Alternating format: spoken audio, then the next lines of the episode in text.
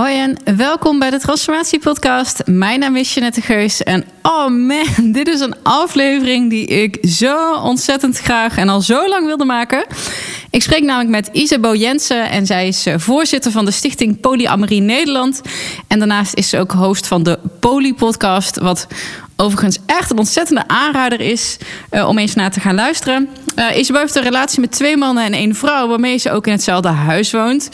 En ja, als je mij al langer volgt, dan weet je dat ik zelf ook in een non-monogame relatie zit. En als daar dan per se een label op moet, dan is het een open lat relatie. Uh, maar ik had dus heel veel vragen, gewoon echt van logistieke aard. Uh, maar ook emotioneel natuurlijk. Van ja, hoe is het om meerdere partners te hebben? Waar lopen zij tegenaan? En ook uh, hoe, hoe regelen zij dat met bijvoorbeeld de feestdagen? Of als er ruzie is, of jaloezie, of onzekerheid. En al helemaal als je nu met corona met z'n allen in hetzelfde huis zit. ik vond het echt onwijs inspirerend om met Isabo van gedachten te wisselen. En als ik dit in één woord zou moeten samenvatten, dan is het echt bevrijdend. Want dat is ook de mindset die Isabo heeft. En uh, ik vind het ook echt een ontzettende eer dat ik ook in haar podcast volgende maand te gast mag zijn. Um, dus ik hoop dat je heel veel inspiratie en bevrijding in deze podcast vindt. En ik spreek je heel graag volgende week weer.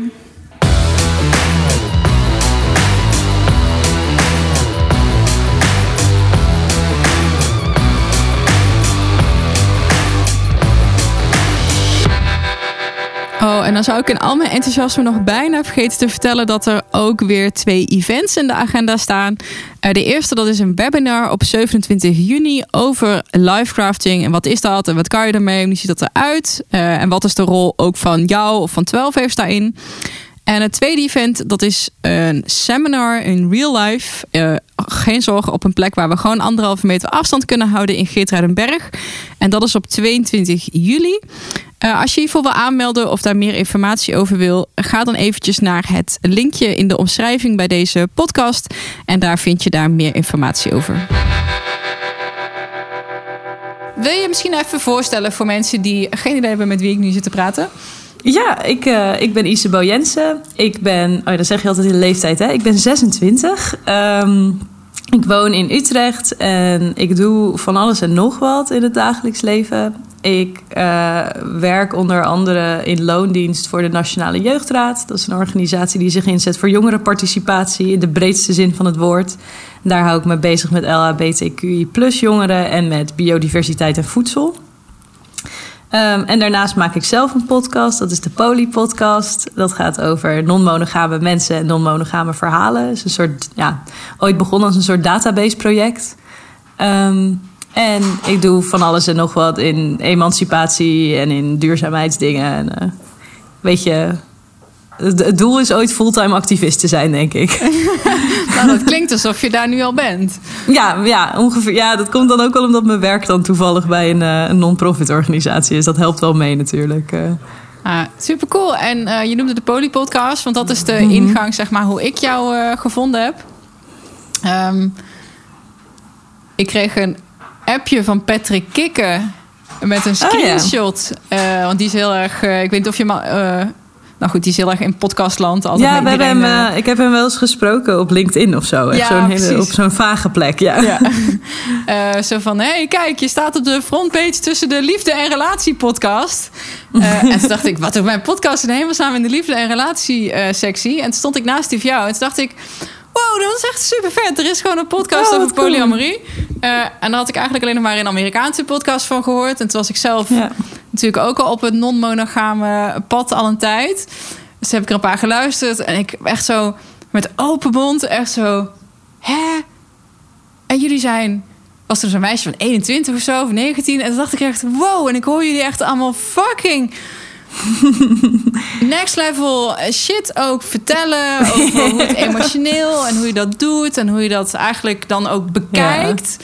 Ja. Uh, nou goed, ik ben uh, vorige week 40 geworden, dus bij mij is dat veel later pas eigenlijk allemaal gekomen dat je daarmee aan de slag gaat. Uh, en toen dacht ik, ik wil jou echt zo ontzettend graag spreken, want ik ben zo benieuwd als jij ja. je daar met zo'n blik en zo'n soort openheid alle die problemen tackelen waar wij dus in onze relatie ook tegenaan lopen.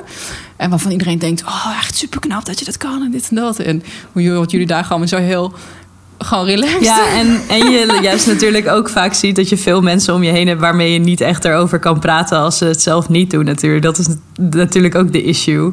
Dat je vaak krijgt als je met eh, monogame vrienden of mensen die meer een monogame blik hebben daarover praten. Dat heel snel is van ja, maar dat komt door dat, eh, dat non-monogame gedoe. En dat je bent van nee, nee, mijn partner ruimt gewoon niet de was op of zo. Dat komt niet door dat non-monogame gedoe. Oh, dat ze Dus- denken dat al je hiccups en al Ja. je problemen... oh, maar dat is omdat je niet monogaam bent. Oh, nee, dat is lekker nou ja, makkelijk. En, en er waren inderdaad alleen maar, eh, alleen maar Amerikaanse podcasts toen ik begon. En ik had juist zoiets van, oh, maar het moet juist lekker toegankelijk en ehm, begrijpelijk zijn voor iedereen of zo. Het hoeft niet voor een soort van elite clubje te zijn dat, dat dat de enige mensen zijn die dit soort informatie kunnen krijgen. Ja, ah, mooi. Denk je dat het inderdaad... eh, dat, nou, waar wij ons mee bezighouden... Dat is, ik vind het zo raar om op deze manier over te praten. Want dit is gewoon wie ik ben en wat ik doe. En het is niet zo van... Oh, wij van de afdeling non-monogamie. Ja, het is meer een gevoelskwestie dan dat je je een soort van gecategoriseerd daarin voelt, denk ik inderdaad. Maar als je dan inderdaad met mensen praat die het niet doen, dan wordt het eh, toch wel echt een categorietje. Ja, ja, ja. Hey, want wat ook, laten we even gewoon bij het begin beginnen. Vooral Mhm. voor de mensen die, eh die weet dat er heel veel gewoon niet polyamoreuze, niet non-monogame, niet non-monogaam, oftewel gewoon monogame mensen, goed zoals je net Mhm. eh, luisteren. En wat is bijvoorbeeld polyamorie? Hoe zou jij dat omschrijven aan iemand die dat echt nog nooit heeft gehoord, dat woord? Eh, ja, mijn, mijn, mijn, mijn eigen definitie is eigenlijk over de jaren ook best wel veranderd. Was daar eerst best wel hardvochtig in, maar nu eh, zie ik het meer als de optie om of de keuze om eh, van meerdere mensen te houden. En dat kan best wel breed zijn, maar het wordt meestal gebruikt voor mensen die meerdere liefdesrelaties hebben of daarnaar streven of daarop gericht zijn om dat te hebben. Eh, en dus ook meerdere gevoelens kunnen hebben voor meerdere mensen. Maar dat is altijd een beetje waar het bij mij schuurt. Omdat ik denk dat uiteindelijk iedereen al om meerdere mensen geeft. Hè? Meerdere kinderen, meerdere ouders, eh, familie, vrienden. Dat is allemaal wel oké. maar bij partners is er altijd maar eentje. Dus ik zie het meestal meer als een keuze of een optie om dus meerdere liefdes erop na te houden. Of dat nou gevoelsmatig is of daadwerkelijk in afspraken of uitingen. Ik vind het mooi dat het woord keuze of optie erin zit. Want voor mij is dat echt de definitie van vrijheid ook. Ja. Dat ik dat zelf mag kiezen, hoe, hoe ik dat doe en op welke manier. Ehm, ja, ik vind het ehm, heel raar, want tegelijkertijd is het ook... en ik ben er al heel open over in de podcast... en ik heb het er heel vaak over gehad... Uh, maar deze, op- deze, op de een of andere manier is er altijd ook shit aan de hand in mijn eigen relatie. Vlak voordat de afspraak Oh, met no. jou is. Waardoor het soms even niet uitkan. En denk, oh man, kan ik nou over dit soort onderwerpen praten? Zeg maar als ik zelf nog Oh ja. even in de Mm. clinch lig. Of uh, het, dan is het makkelijker om over weet ik veel stress of zo te praten. Of voedselbossen. Ja, mijn oplossing daarvoor is dus meestal dat ik dan iemand opzoek eh, die ongeveer dezelfde issues heeft en die dan uitnodig voor de podcast. En van, dit is eigenlijk ook therapie. Nou, 100 procent. Ja. Ehm, want kijk, de meeste mensen, ik denk dat ze het, het emotionele stuk wat erbij komt kijken, dat heb ik allemaal best wel snel ook uitgelegd. En dat is ook redelijk snel, zeg maar, een soort van jezelf, nou niet eigen te maken, maar om jezelf daaraan over te geven of zo. Mhm. Maar dan is er nog een hele shitload aan andere dingen waar ik gewoon heel erg benieuwd naar was van hoe doen jullie dat in hemelsnaam? Gewoon echt Yes. super praktisch. Want ik ken dus echt helemaal niemand die tegen dit soort dingen aanloopt. Ja, Ehm, maar wat is, wat is bijvoorbeeld jouw situatie? Eh, Situatie. Wat is jouw situa- relatie, moet situa- wat zijn al, nou, maar wat, wat zijn mijn, hoe, doe ik, hoe doe ik liefde? Ja. Ehm, ik zie liefde. Eh, eh, de laatste tijd een beetje boeken gelezen die liefde heel erg als een skill be- benoemde. En als een, iets wat je kan versterken en wat je kan leren. Dus dat is nu helemaal mijn jam om het zo te zien. Want liefde doe je. Het is, niet, het is ook iets wat je voelt, maar het is ook een skill. Ehm, Weet je nog welk boek eh, dat was trouwens? Of, of welke boeken dat met name waren? Dat is een goede vraag. Eh, zat het voor, volgens mij zat het in een, voor een deel in het grote, dikke boek van de School of Life. Dus die, die echt helemaal gaat over hun emotionele visie. En voor een deel. Ik ben ook een, cursus, een online cursus aan het doen bij Yale, die over de science of well-being gaat. En daar gaat het eigenlijk ook de hele tijd over dat alle soorten blijheid. ehm, aangeleerd kunnen worden of versterkt kunnen worden. Of dat het allemaal een skill is die je kan leren en niet alleen maar iets wat je overkomt. Dus ook, die zou ik ook aanraden. Komt allemaal in de show notes, neem ik aan. ik stuur het wel op. Ehm, dus daar ben ik heel erg mee bezig en daarom ervaar ik het nu zo. Maar mijn situatie. Ehm, ik ben nu zes jaar samen met Felix, bijna zes jaar. Ehm, en toen ik hem ontmoette, was ik al samen met iemand anders. En dat was monogaam. En toen was ik ook twintig, dus wist ik veel. Weet ik nu veel, I don't know. Maar. Um, en toen uh, vond ik Felix zo tof en leuk dat ik echt was van... ik ga dit niet leuk vinden als ik hem niet meer kan zien... en niet op een romantische manier kan ontdekken en leren kennen. En toen heb ik dat tegen mijn toen partner gezegd. Van hey, ik heb nu zo'n gaaf persoon ontmoet en ik moet gewoon met hem omgaan en hoe gaan we dit uitvogelen? Uh, dit is altijd een beetje het punt waarop iedereen is van ja, maar dat zou ik nooit durven. En dan ben ik van ja, als je dat, ja, als die stap niet durft te nemen, wordt het sowieso al best wel moeilijk. Maar je moet echt gewoon leren praten over wat er aan de hand is. Maar dat zeggen was zo pas de eerste stap in wat er daarna allemaal voor bende en gevoel en rare, uh, rare leerprocessen aan de, aan de, aan de hand waren en over, nou, opeens voor de deur stonden. Want nou, toen was het dus met Felix en uh, de jongen die nu mijn ex is. Uh, dat ging vrij snel uit. En toen was ik met Felix en we ontmoetten allebei allemaal andere mensen. En die kwamen er ook erbij en weer weg. En die hoorden. En van alles en nog wat meegemaakt. En Felix en ik waren allebei gewoon heel erg. We gaan dit gewoon uitvogelen. We gaan gewoon uitzoeken hoe dit werkt. We zien wel. Um, en toen uh, kreeg ik ook een relatie met een, een, hele goede vriend van Felix, met Richard. En daar woon ik nu mee in één huis. En dat is bijvoorbeeld zo'n relatie waarvan wij dan zeggen: ja, wij zien het als partnerschap, maar het zou misschien in de klassieke zin niet zo worden belabeld. Want we wonen in één huis, maar we hebben allebei een eigen slaapkamer. En uh, we gaan met elkaar om als gewoon hele goede vrienden, maar we delen wel het hele huishouden. Dus er zijn allemaal van die schakeltjes die gewoon aan en uit kunnen. Uh, in plaats van dat je het hele plaatje in één keer hoeft uh, aan te pakken, denk ik. Uh, en ik ben nu een jaar samen met, me, met mijn vriendin, met Mick. Ja. Ja, dus dat zijn de drie mensen. Maar ja, er zijn nog allemaal andere mensen. Die zijn dan ook belangrijk. En wat is nou een partner? En, oh, oh. dat nou is ja, mijn grootste dat probleem. Een goede vraag. Wat is een partner dan eigenlijk? no fucking clue.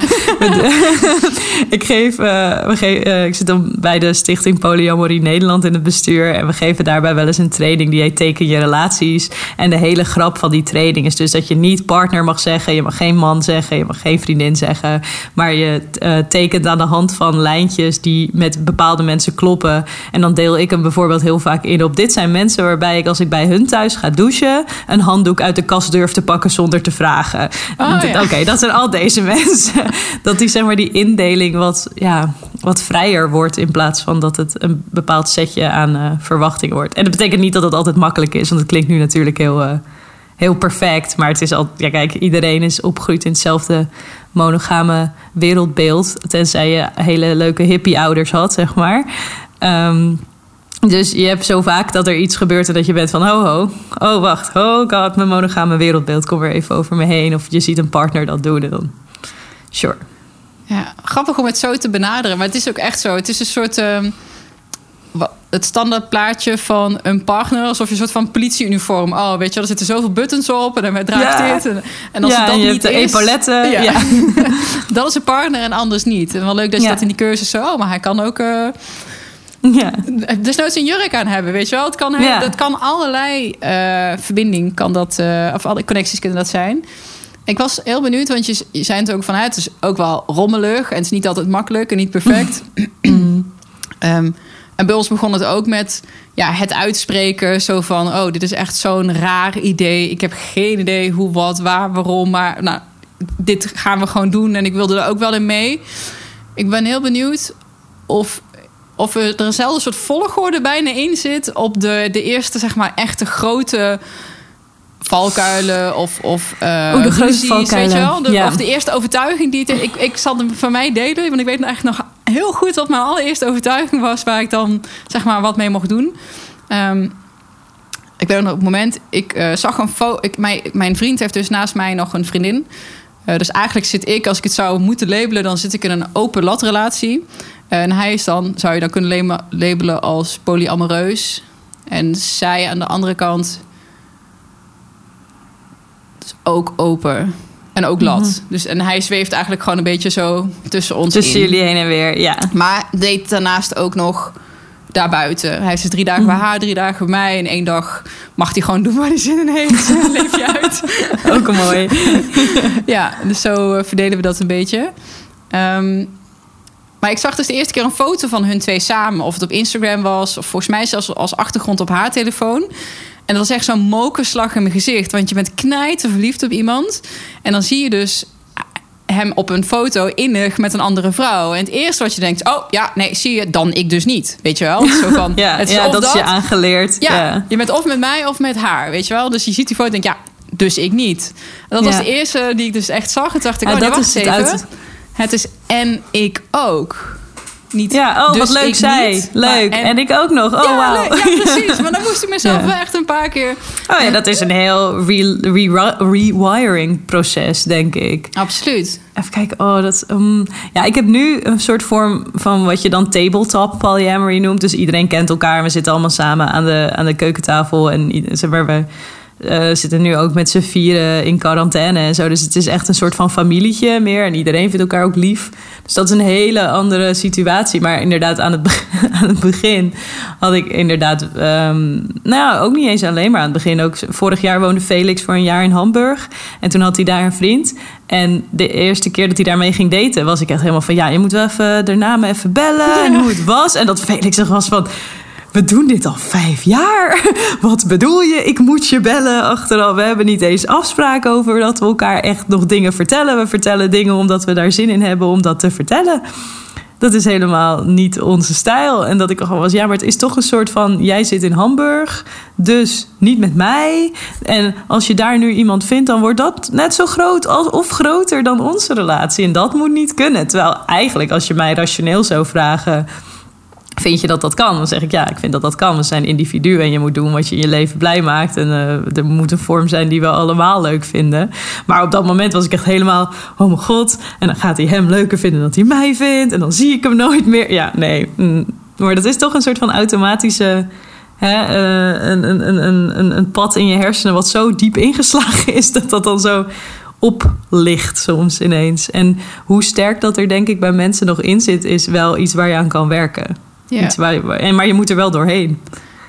En dat, only- en ja. dat eraan werken, hoe ziet dat, hoe ziet dat er eh, uit? Ja, voor mij is voor mijzelf is het allerbelangrijkst dat ik met iemand echt kan zitten en er het leuk vinden om erover te praten. Het leuk vinden om er helemaal doorheen te gaan van dit is een emotie, dit is een gedachte, die zit hier aan vast. Echt met, met tekeningen erbij bedenken van dit is hoe mijn hersenen werken. Dat is, dat is wat voor mij heel belangrijk is. En ik heb ook een partner gehad die meer was van joh, doe maar lekker je polyamorie en eh, we zien wel.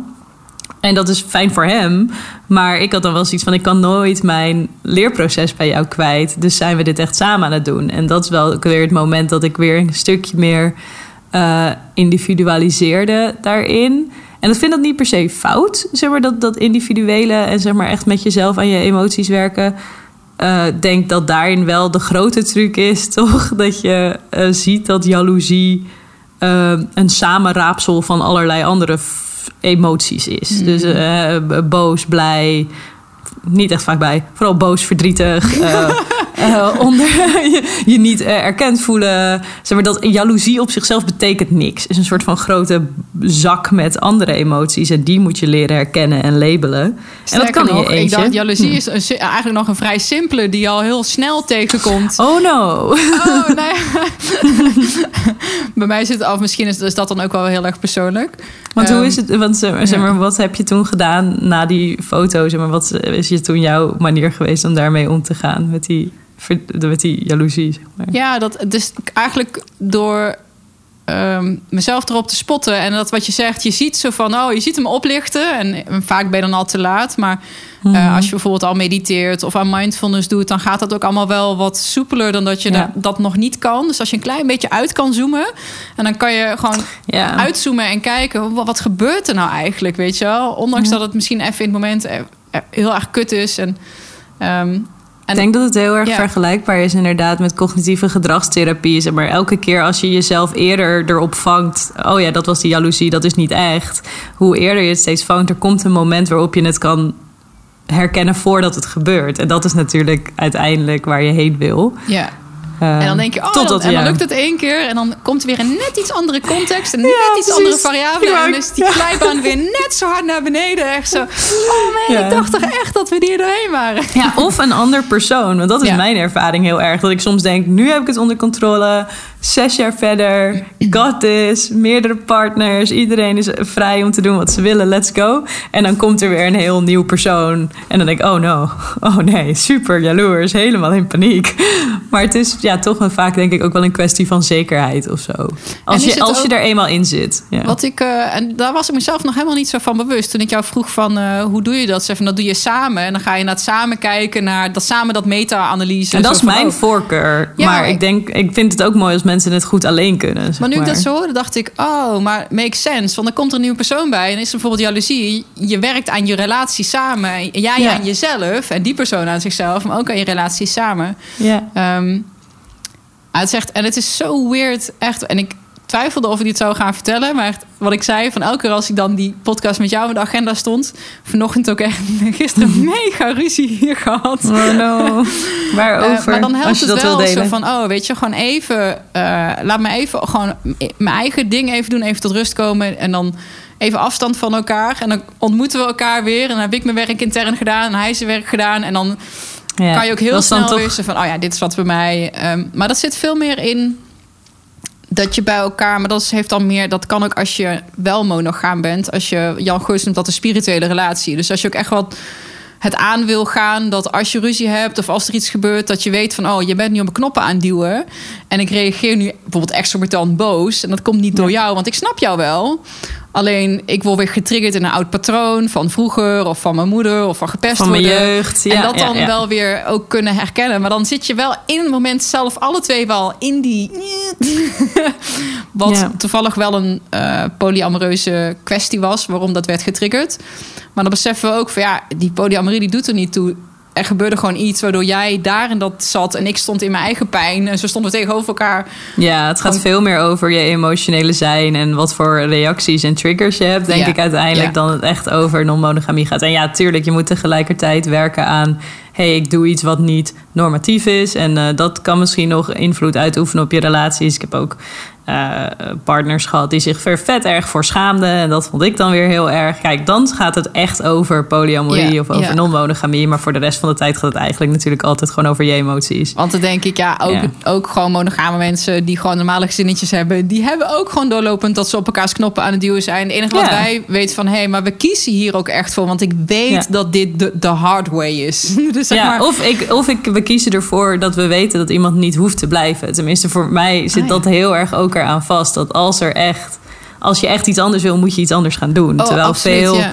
relaties natuurlijk, of tenminste monogame relaties, of meer eh, normatieve relaties, er heel erg in hebben zitten van eh, het, het is voor altijd.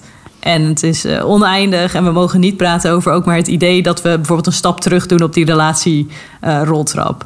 En ja, dat, dat vind ik nog, dat kan heel spannend zijn. Dat je weet dat die stap terug kan en dat het uit kan en dat het allemaal mag, zeg maar. Want hoe, hoe spreek je dat af? Want bijvoorbeeld nu ook dat in die ruzie. En ik sta er net zo in als jij. I'm willing to walk away. Want als het echt...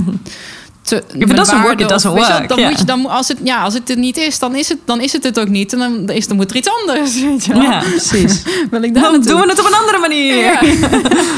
Eh, maar in het moment als het even heel kut is en als het moeilijk is of als je ruzie hebt of jaloers bent, dan wil je eruit. Althans, ik heb echt hier gewoon huilend op de grond gelegen. Ik kan het niet, het is te moeilijk, het is te moeilijk. En dan Herkenbaar. is het van, ja, moet ik nu dan kiezen voor die vrijheid of ben ik mezelf een soort van leidersweg? eh, eh, Ja, ik heb in- mezelf in ieder geval beloofd dat ik binnen een ruzie of discussie niet mag zeggen dat ik wegga. Want dat heb ik zo vaak gedaan en op teruggekomen. En dat is dus ook natuurlijk ook best wel schadend voor iemands vertrouwen in jou als, als, als, als, als partner. Dus dat probeer ik mezelf eh, aan te leren. Ik zeg niet dat altijd lukt, maar om in ieder geval te zeggen van ik mag dat niet op, in zo'n moment beslissen. En ik heb in ieder geval de afspraak met de mensen die ik echt partner noem. Dat eh, als we ermee willen stoppen, dat we het er allebei mee eens moeten zijn dat we willen stoppen. Zolang het natuurlijk niet een super toxische of problematisch iets is. Want als, als iemand je slaat, dan moet je gewoon weggaan. Dat is heel simpel. Maar ehm, dat wij in ieder geval de afspraak hebben dat uh, of je samen bent en of je niet samen bent, dat is een keuze die je samen maakt. Er is niet zoiets als aanmaken of uitmaken. Dat hele ik dump jou of jij hebt mij gedumpt, dat hebben we er een soort van uitgesloopt, omdat we dat eigenlijk niet zo logisch vonden dat dat bestond, zeg maar. Ja, uh, er staat zo'n grapje dat uh, de grootste hobby van polyamoristen is niet uh, seks, want dat denkt iedereen. Wow, nou, nee, dat is praten. Oh, zeker. Absoluut. En vooral in het begin, als je nog heel erg bezig bent met: oké, we gaan iets doen wat echt helemaal buiten alle kaders is, dan moet je over dit soort dingen. Wanneer is het een partner? Wanneer is het aan? Oh, Wie mag het aanmaken? Weet je wel, je, je bent. Daarom is het volgens mij super individualistisch hoe dat er per persoon uitziet. Omdat je samen helemaal zo van al die, ja, jij noemde van die schuifjes. ik zie ja, die, al die, die, ja, ik zie zo'n, ik zie zo'n DJ-bord altijd voor me. Van dit staat aan, dit staat uit. Beetje meer bas, beetje meer treble, zeg maar. Ja, tot je de perfecte blend hebt van oké, en dit is hoe het voor mij gewoon helemaal te gek voelt. Ja, en ik heb ook echt wel geprobeerd om te zeggen: oké, okay, misschien eens een keer minder praten, iets meer voelen. En inderdaad, dan dus niet hoeven zeggen: wat is een partner, wat is aan, wat is uit, welke schuifjes hebben we. Maar gewoon te zeggen: we doen dit op gevoel. En dat kan ook werken. Met sommige mensen heeft dat voor me gewerkt, en met sommige mensen werkt dat niet. Uh, het is ook elke keer anders. En waar ik denk in heteronormatieve monogame relaties je sneller zegt ik hou gewoon van zo'n soort persoon. En dit is de soort relatie die ik zoek. Is het elke keer een zoektocht? Ja, daar moet je wel uh, zin in hebben, denk ik. Als alle opties open zijn. Ja, je hebt gewoon andere dingen die wat minder uh, in het oog springen waar je op gaat selecteren. Ja, super. Um, dan ben ik gewoon even kwijt wat ik net. Uh, ik was zo in je. ik werd zo.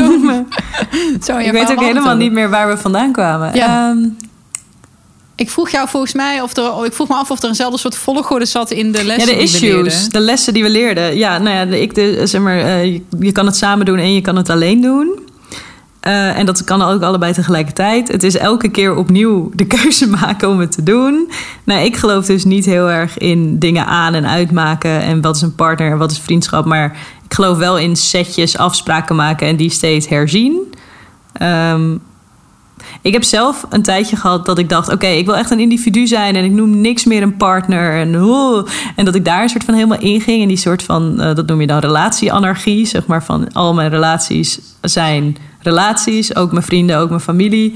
Uh, en dat vond ik. Uh, heel even heel lekker. Want toen ging ik gewoon heel erg focussen op mezelf en op mijn eigen ontwikkeling. En na een tijdje was ik zo: nee, ik mis iemand om mee door mijn leven te lopen en mijn hand vast te houden. En toen uh, weer terugkrabbeld. en dat is, dan, dat is dan ook heel mooi dat er dan mensen zijn die dat prima vinden. Ze van: oké, goed, daar is Isa weer. Oké, kom maar terug. Um, en dus dat kan je ook proberen. een stukje relatieanarchie. Voor sommige mensen werkt dat wel heel goed. Um, ik vind dat mooi. Oh, ik heb een tijd. Een, uh, ik heb een tijd. Oh ja, dat heb ik ook nog gehad. Ik heb twee jaar lang uh, ben ik met Felix geweest en nog een, uh, nog een jongen met me. En die tweede persoon die vond eigenlijk zeg maar zo van Felix is wel oké, maar eigenlijk niemand anders. En daar ben ik toen heel erg in meegegaan, omdat ik dat echt oprecht geloofde dat dat oké was. Het was mijn eerste keer dat ik twee partners had, echt langere tijd naast elkaar. Zij mochten elkaar ook heel erg. Gingen ook met z'n drieën op vakanties en het was gewoon super close en heel leuk. Maar ik had het een soort van heel erg geïnternaliseerd van ik mag al blij zijn dat ik dit mag doen ik mag al blij zijn dat we een open relatie hebben, dat, dat ik met Felix en met hem kan zijn. Dus hoe durf ik nog om meer te vragen? En daarin heb ik echt een soort les geleerd van nee, jij mag dit willen. Dat toevallig de rest van de wereld monogaam is, betekent niet dat dit iets is wat je is gegund en dat dat bijzonder is. Het betekent gewoon dat jij hebt aangegeven wat je wil en dat je dat krijgt. En dat als ik nu terug zou gaan, dat ik gewoon op dat moment had gezegd: nee, ik wil ook gewoon dat het open is. Dat ik ook nog gewoon voor de rest kan doen wat ik wil. Um, dus dat, dat is denk ik een hele grote geweest. Dat ik eigenlijk niet echt meer bereid ben in te leveren. Ook omdat dus in, in de situatie waar ik nu in zit, zou het super raar zijn als ik iemand nieuw zou gaan daten. En die persoon zou zeggen: Oh ja, Felix is oké, okay, uh, Richard is oké, maar uh, je moet Mick dumpen. En dat ik ben van: Dat is niet hoe het werkt. Daar heb jij niks over te zeggen. Ja, ja. Um, Voor mij, ja. dat is een hele uh, recente realisatie is om geen toestemming meer te vragen. En dan mhm. niet alleen in relaties, maar gewoon echt helemaal breed. Geen toestemming vragen, maar ook geen goedkeuring nodig hebben. Want toestemming vragen is geen vrijheid. En goedkeuring nodig hebben is ook geen vrijheid. Nee, Ehm, en ik snap dat het soms zo begint. Hè? Ik Ja. snap dat het al de al, eer- allereerste keer dat je denkt: holy shit, ik dacht dat ik vast zat. En ik dacht dat ik ook met die vastheid, vrij, of, eh, met die vastheid zekerheid had.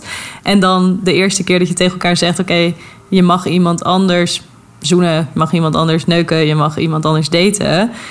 Dan voelt dat heel los. En misschien dat we dus soms zelf wel een soort van vastigheid dan nog recreëren in ons hoofd met dat vragen. En aan de andere kant van dat verhaal vaak toch nog iemand proberen bij ons te houden door te zeggen: vraag het gewoon even. Of, eh, ja, of het, mag, of laat het even weten. Of, Ja, terwijl ja, ja. Echte vrijheid en echt vertrouwen is dat echt wel allemaal loslaten. En dat is heel, heel, heel, althans, ja, eh, dat is niet evident dat dat, dat dat iedereen ook.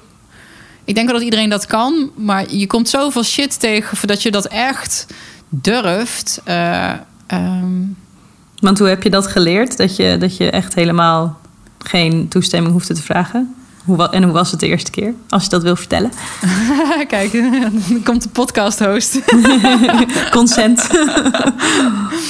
Eh, nou, het meest recente voorbeeld wat ik heb, maar dat is eigenlijk niet een, eh, een relatievoorbeeld. Dat is meer een eh, ondernemersvoorbeeld. maar dat komt wel voort uit de lessen die ik heb geleerd uit mijn relatie. En dat vind ik ook zo Ja. ontzettend gaaf. Ehm, ik, ja, ik woon ergens helemaal afgelegen en ik wil eigenlijk heel graag een bos kopen en daar tiny houses neerzetten en een voedselbos aanplanten. Oh my Eh, god, wat vet. ik, hou me aan, ik hou me aanbevolen. Ja. En daarnaast is, ik, is een, eh, een, een, eh, een oud internaat. En daar woon ik nu anti-kraak. En dat wil ik heel graag kopen. Zodat je hier een retraitecentrum, dat je stilte retraites. Of dat je gewoon met je persoonlijke ontwikkeling bezig kan zijn hier. En we geven dan ook trainingen. Dus, maar dat is een heel groot plan. En ik doe tot nu toe doe ik dat met mijn businesspartner samen. Maar dat bos, dacht ja, is mijn idee. Weet je, ik loop hier elke dag, ik mediteer hier elke dag. Ik vind het helemaal geweldig. Toen dacht ik, ik heb helemaal geen toestemming nodig om een nieuw idee of een nieuw businessconcept of om een nieuw project. Om dat gewoon zelfstandig uit te gaan lopen pluizen. Ik hoef niet aan jou te vragen: hey, vind je het goed als ik dat ga doen? Eh, het is gewoon een idee wat ik heb, een project dat ik wil doen. Waarom zou ik dat. Want dan ga je dat vragen en dan, eh, oh, eh, vind je dat wel een goed idee? Weet je wel, iemand kan dat al vanuit zijn eigen angsten of projecties en zijn eigen obstakels misschien niet meegaan in de visie die ik dan heb. Zo van, wow, dit kan dit worden, weet je wel. ja, en dan wordt Om jouw dan in te laten dan- ja, aan de voorkant. ja. En denk ja, ik ga helemaal niet... Ik heb gewoon die eerste stappen gezet. Ben de gemeente gaan mailen en de eigenaar gezocht. Weet je wel, ik ben dat maar gewoon gaan doen. Zo van, en dan achteraf zo van, hé, hey, moet je eens kijken. Eh, dit en ik mag het kopen, En dan, weet je wel. en, dan zijn mensen, en dan zijn mensen alsnog vaak super enthousiast achteraf. Maar het gaat soms ook gewoon over hoe je het brengt, weet je. En dat geldt met liefde, denk ik ook. Als je zeg maar achteraf bent van... hé, hey, ik was het je vergeten te vertellen. Of tenminste, ik had het je even niet verteld... omdat ik het even in mijn eentje moest uitzoeken. Dan moet, dan moet je partner toch zeggen... oh joh, ja, prima, wat goed dat je daar bewust over had nagedacht. Het Ja. enige wat ik van een partner wil... is dat ze bewust gewoon consciously met dingen omgaan. En niet... eh, zeg maar, de afspraak, je moet het op dit punt in tijd aan mij vertellen, is, is heel simplistisch. En de afspraak, je vertelt het wanneer het voor jou goed voelt, zolang je er bewust mee omgaat, vind ik veel mooier. Ja, en het is inderdaad ook ehm, ehm, het niet eh, dat de ander vindt dat je het moet vertellen. Die vond ik ook heel interessant. Ehm, en ook voor mij denk ik. Ik moet ervan uitgaan dat die andere persoon het beste met mij voor heeft. Want anders ben Yes. ik continu op mijn hoede. Oeh, ik moet wel weten wat je denkt. En ik moet weten waar je bent. En ik moet weten wat je doet. En hoe je over me praat. En wat je van me vindt. En ik moet dat allemaal weten. Ja, Zodat ik Yes. zeker weet dat ik jou kan vertrouwen en dat je het goede met mij voor hebt. En als je dat Ja. los probeert te laten, ik moet er echt op vertrouwen. Zo van, hey, hij zal mij echt geen... Want hij is mijn vriend, hij houdt van mij. Weet je, we hebben een bedrijf samen. Nee, hij wil ook al die vette dingen die ik wil. Wat is dat dan toch dat ik denk dat hij me misschien... Weet je wel, waarom moet ik ja dat het is je weten? eigen to- toch vaak, en dat merk ik zelf ook, het is toch vaak uiteindelijk je eigen onzekerheid. Dat je bijna niet kan geloven dat iemand je zo leuk vindt. Terwijl je kan echt wel die basisaanname doen van deze persoon vindt mij echt heel leuk. En ze willen lief voor me zijn. En als ze iets fout doen, dan is het per ongeluk. dan komen ze dat zeggen. Ja, ja, ja. Hoe is en dat? ook, eh, ja. Ik zag jij zo heel heftig knikken. Zo van, oh, dat is herkenbaar. Ja, nou ja, ja, ik denk dat je vaak.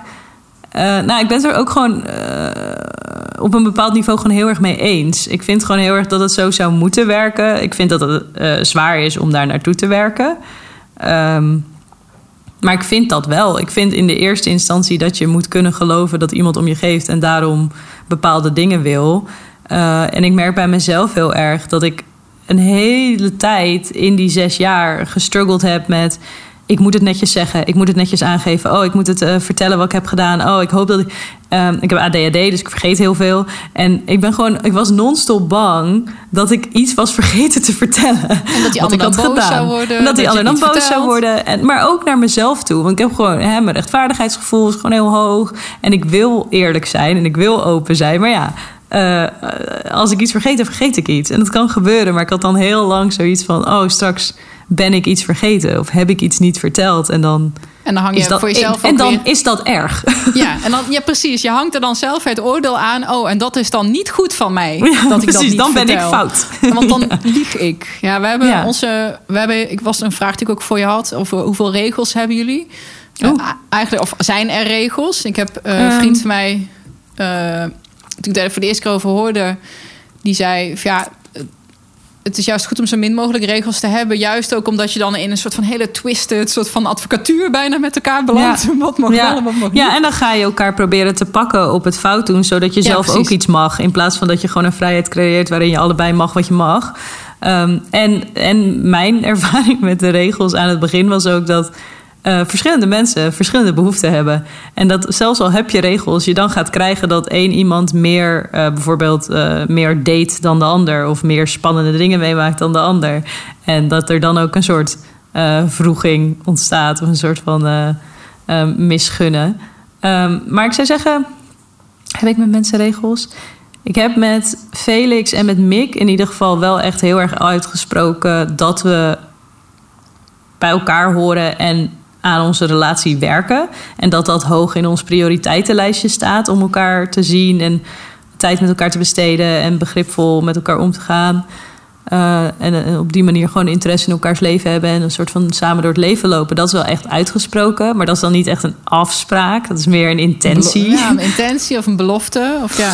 ja, en ik had altijd, je moet alles vertellen wat je met iemand anders hebt gedaan. Maar ja, dat wordt heel waterig op het moment dat je een grote vriendengroep hebt. Dat je niet meer weet uh, of zoenen daar nog meetelt. Of wat, hè, dat wordt dan allemaal heel vaag. Dus dat hebben we niet meer. We hebben nu gewoon ik, inderdaad de verwachting dat mensen het leuk vinden om te praten over de dingen die ze uitspoken. En dat als ze dat niet hebben, dat dat ook oké is.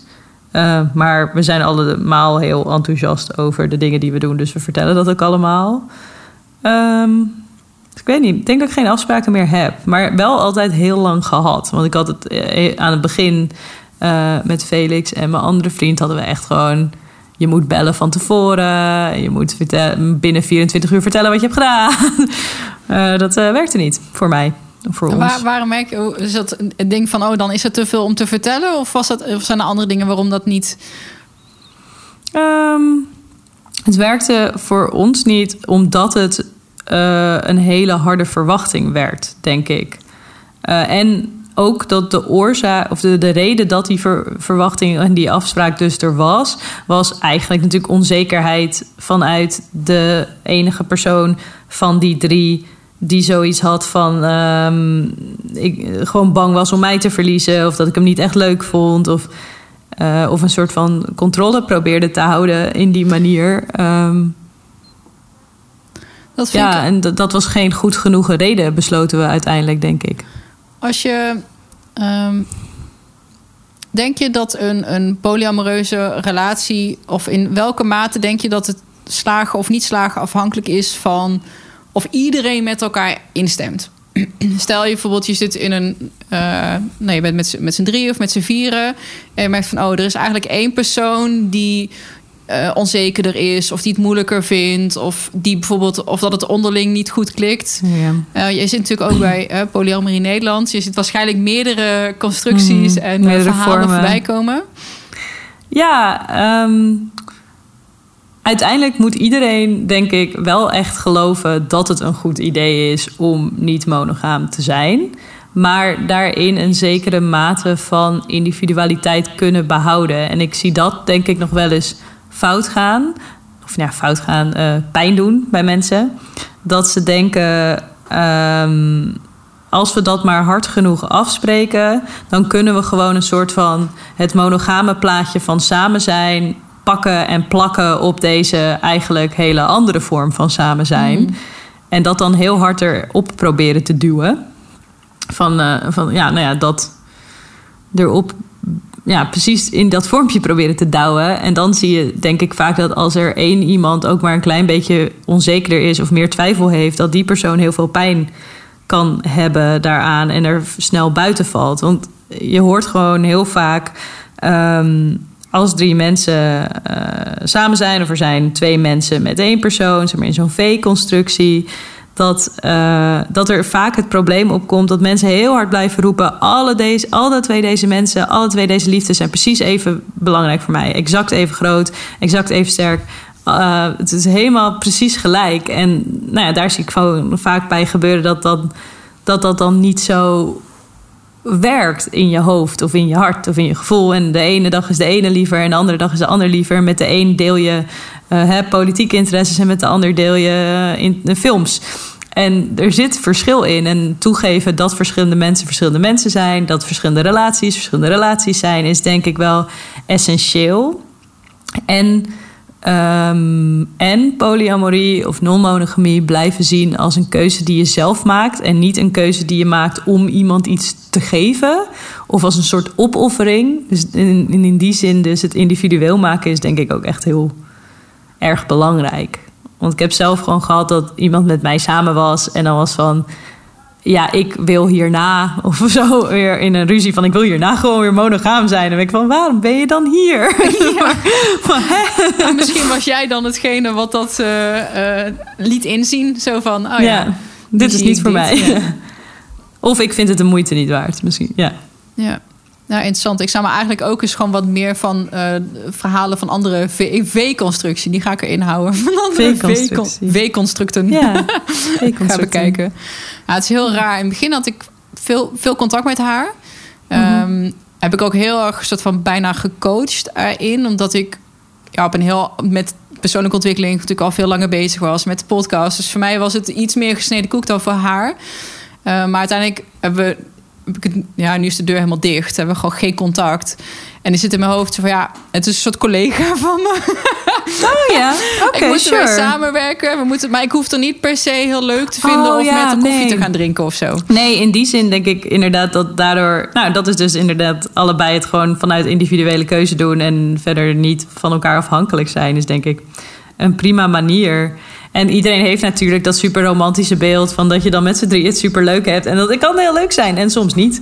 Uh, ik heb inderdaad ook wel de hele tijd uh, iemand gedate waarvan ik dacht: ik hoef jouw vriendin echt nooit te zien. ik vind haar verschrikkelijk. Ja, maar, ja, oh, maar dat, dat was zo moeilijk voor mij. Want je denkt: hoe kan je dan samen zijn met Oh, iemand die mhm. zo anders is en waarvan ik dus geen. Ik heb het geprobeerd, maar we zijn geen vriendinnen. Ja. I tried. ja, ja, weet je, je, wil, je staat daar toch open voor. Je denkt, nou, er zit, je ziet daar iets in. Uh, en ook in mij. Dus je verwacht dat er al een soort van basisband is Mm. voordat je van start gaat. Wat ook echt absoluut niet waar is. Het hoeft totaal niet zo te zijn. Ja. Ja, dat was ook heel spannend. Zo van ja, oh, wat doe je dan met mij? Weet je wel? En het scheelt dan dat zij heel anders is dan ik. Zo van, oh, weet je wel, blond, donker haar. En uh, dat je een hele andere, maar ja, net wat je zei, uh, politiek, films. Gewoon, ja. ja, makkelijk. Um, en dat oh, ik toen merkte met, ik van, uh, jeetje, ja. wat ben ik toch aan het judgen ook, weet je wel? Dat ik, uh, ja. omdat ik haar, omdat ze niet een vriendin van mij zou kunnen worden, is niet, het, is niet dat zij dan een mindere persoon is, dat je niet van haar zou mogen houden. Dan moet ik, mezelf, nee. moest ik mezelf, ben ik een paar keer flink uh, op gecheckt en ook uh, ges, teruggespiegeld gekregen, omdat het heel subtiel is. Ja, dat is wel een uitdaging, hè? Want je valt, vervalt denk ik ook gewoon heel snel in dat klassieke ding van... oh, de minnares van mijn partner boe of zo. Ja, hoe, terwijl, hoe, kun je, weet je wel? Ja, als je terwijl dit hoe hebt. achterstallig is dat? Dat we dat soort dingen er nog op nahouden soms. En dat we oprecht zo durven neer te kijken op mensen waar, waar iemand waar wij van houden van houdt. En dat we alsnog Ja. zo snazzy gaan doen, omdat we denken, dan een to- toevallig een beetje jaloers zijn of zo. Maar dat is dan, en dan word je erop gecheckt en dan zie je het bij jezelf en denk gadverdamme, dit is echt lelijk. dat is echt niet mooi. Ja, ja, Nee. ja, ja. Oh, ik had dat toen ik... eh, ik ontmoette, ontmoette, ontmoette mijn vriendin toen Felix dus in Hamburg woonde. En hij had zoiets van, ik lijk een beetje op haar. En dat vind ik stressvol. Dus die vond het juist weer heel stressvol van... oh, jij hebt nu een partner die op mij lijkt. Dat vind ik niet leuk. En dat ik was van, oh, dat kan natuurlijk ook nog. Je kan natuurlijk ook nog jaloers worden... omdat iemand juist net zo is als jij. Ja, En dat dan jou- nee, maar jou- die jou- snap ik wel. Want ik dacht ook, als dat andere meisje gewoon een jongere Jeanette zou zijn geweest... weet je, dan denk je, uh, uh, uh-oh, weet je wel. Ja.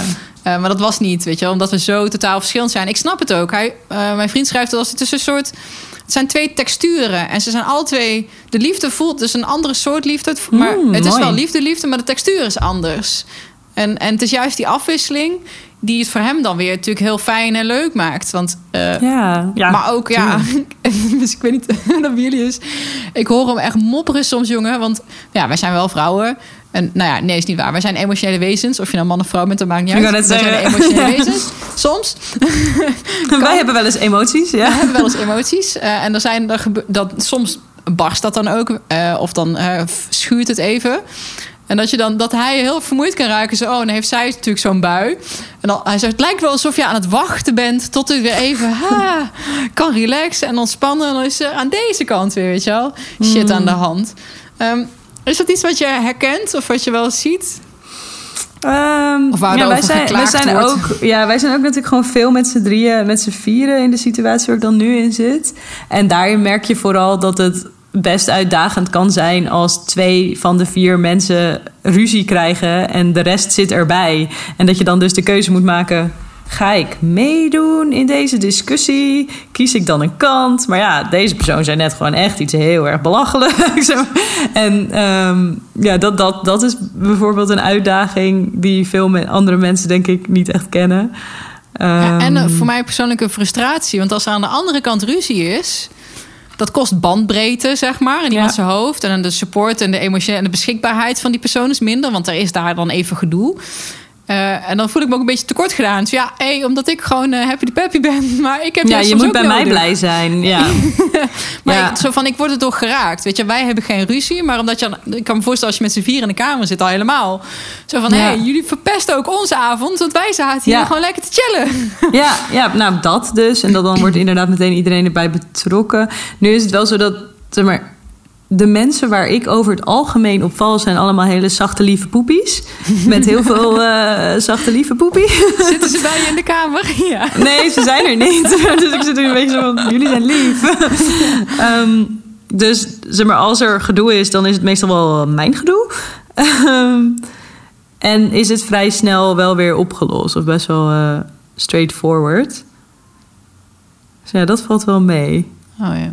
Ja, ik vond het lastig, want dan denk ik voor mezelf: moet ik dit nou accepteren of niet? Weet je wel? Oké, zij hebben ruzie. Ik ben daar geen aandeel aan. Ik hoef te, not my, not my monkey, not my circus, whatever.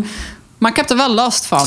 Ik denk dat het dan op de- in die zin best wel weer te vergelijken is met, zeg maar, nou ja, eh, de vriendin van je vriend is je collega, zeg maar. Je zou te hulp schieten of iemand helpen met nadenken als ze ruzie hebben op werk of gedoe hebben op werk. Daar help je ook bij. En ik zou gewoon precies dan ongeveer die lat aanhouden. Ja, Dus op een gegeven moment zeg je tegen iemand van, nou, hè, nu is het wel weer klaar. Pakken lekker wat te drinken, kaasplankje, let's go. Zo, zoiets. Ehm, Ah, ja. Dat is misschien dan wel een goede vergelijking. Want Ja. ergens wil je ook in een soort van streven naar een soort van spiritueel verlicht, eh, compassievol. Van nee, is oké, is oké. Je wil ook niet te soft zijn. Ik denk, ja, maar hou eens even. Het is ook, eh, ehm, je, het beïnvloedt mij ook. Ja. Ja. Vooral als er dan gebeld wordt en hij is bij mij. En dan wordt er gebeld en dan is er ruzie. En dan kom je terug beneden en denk je, eh, what just happened? Ja, oh ja.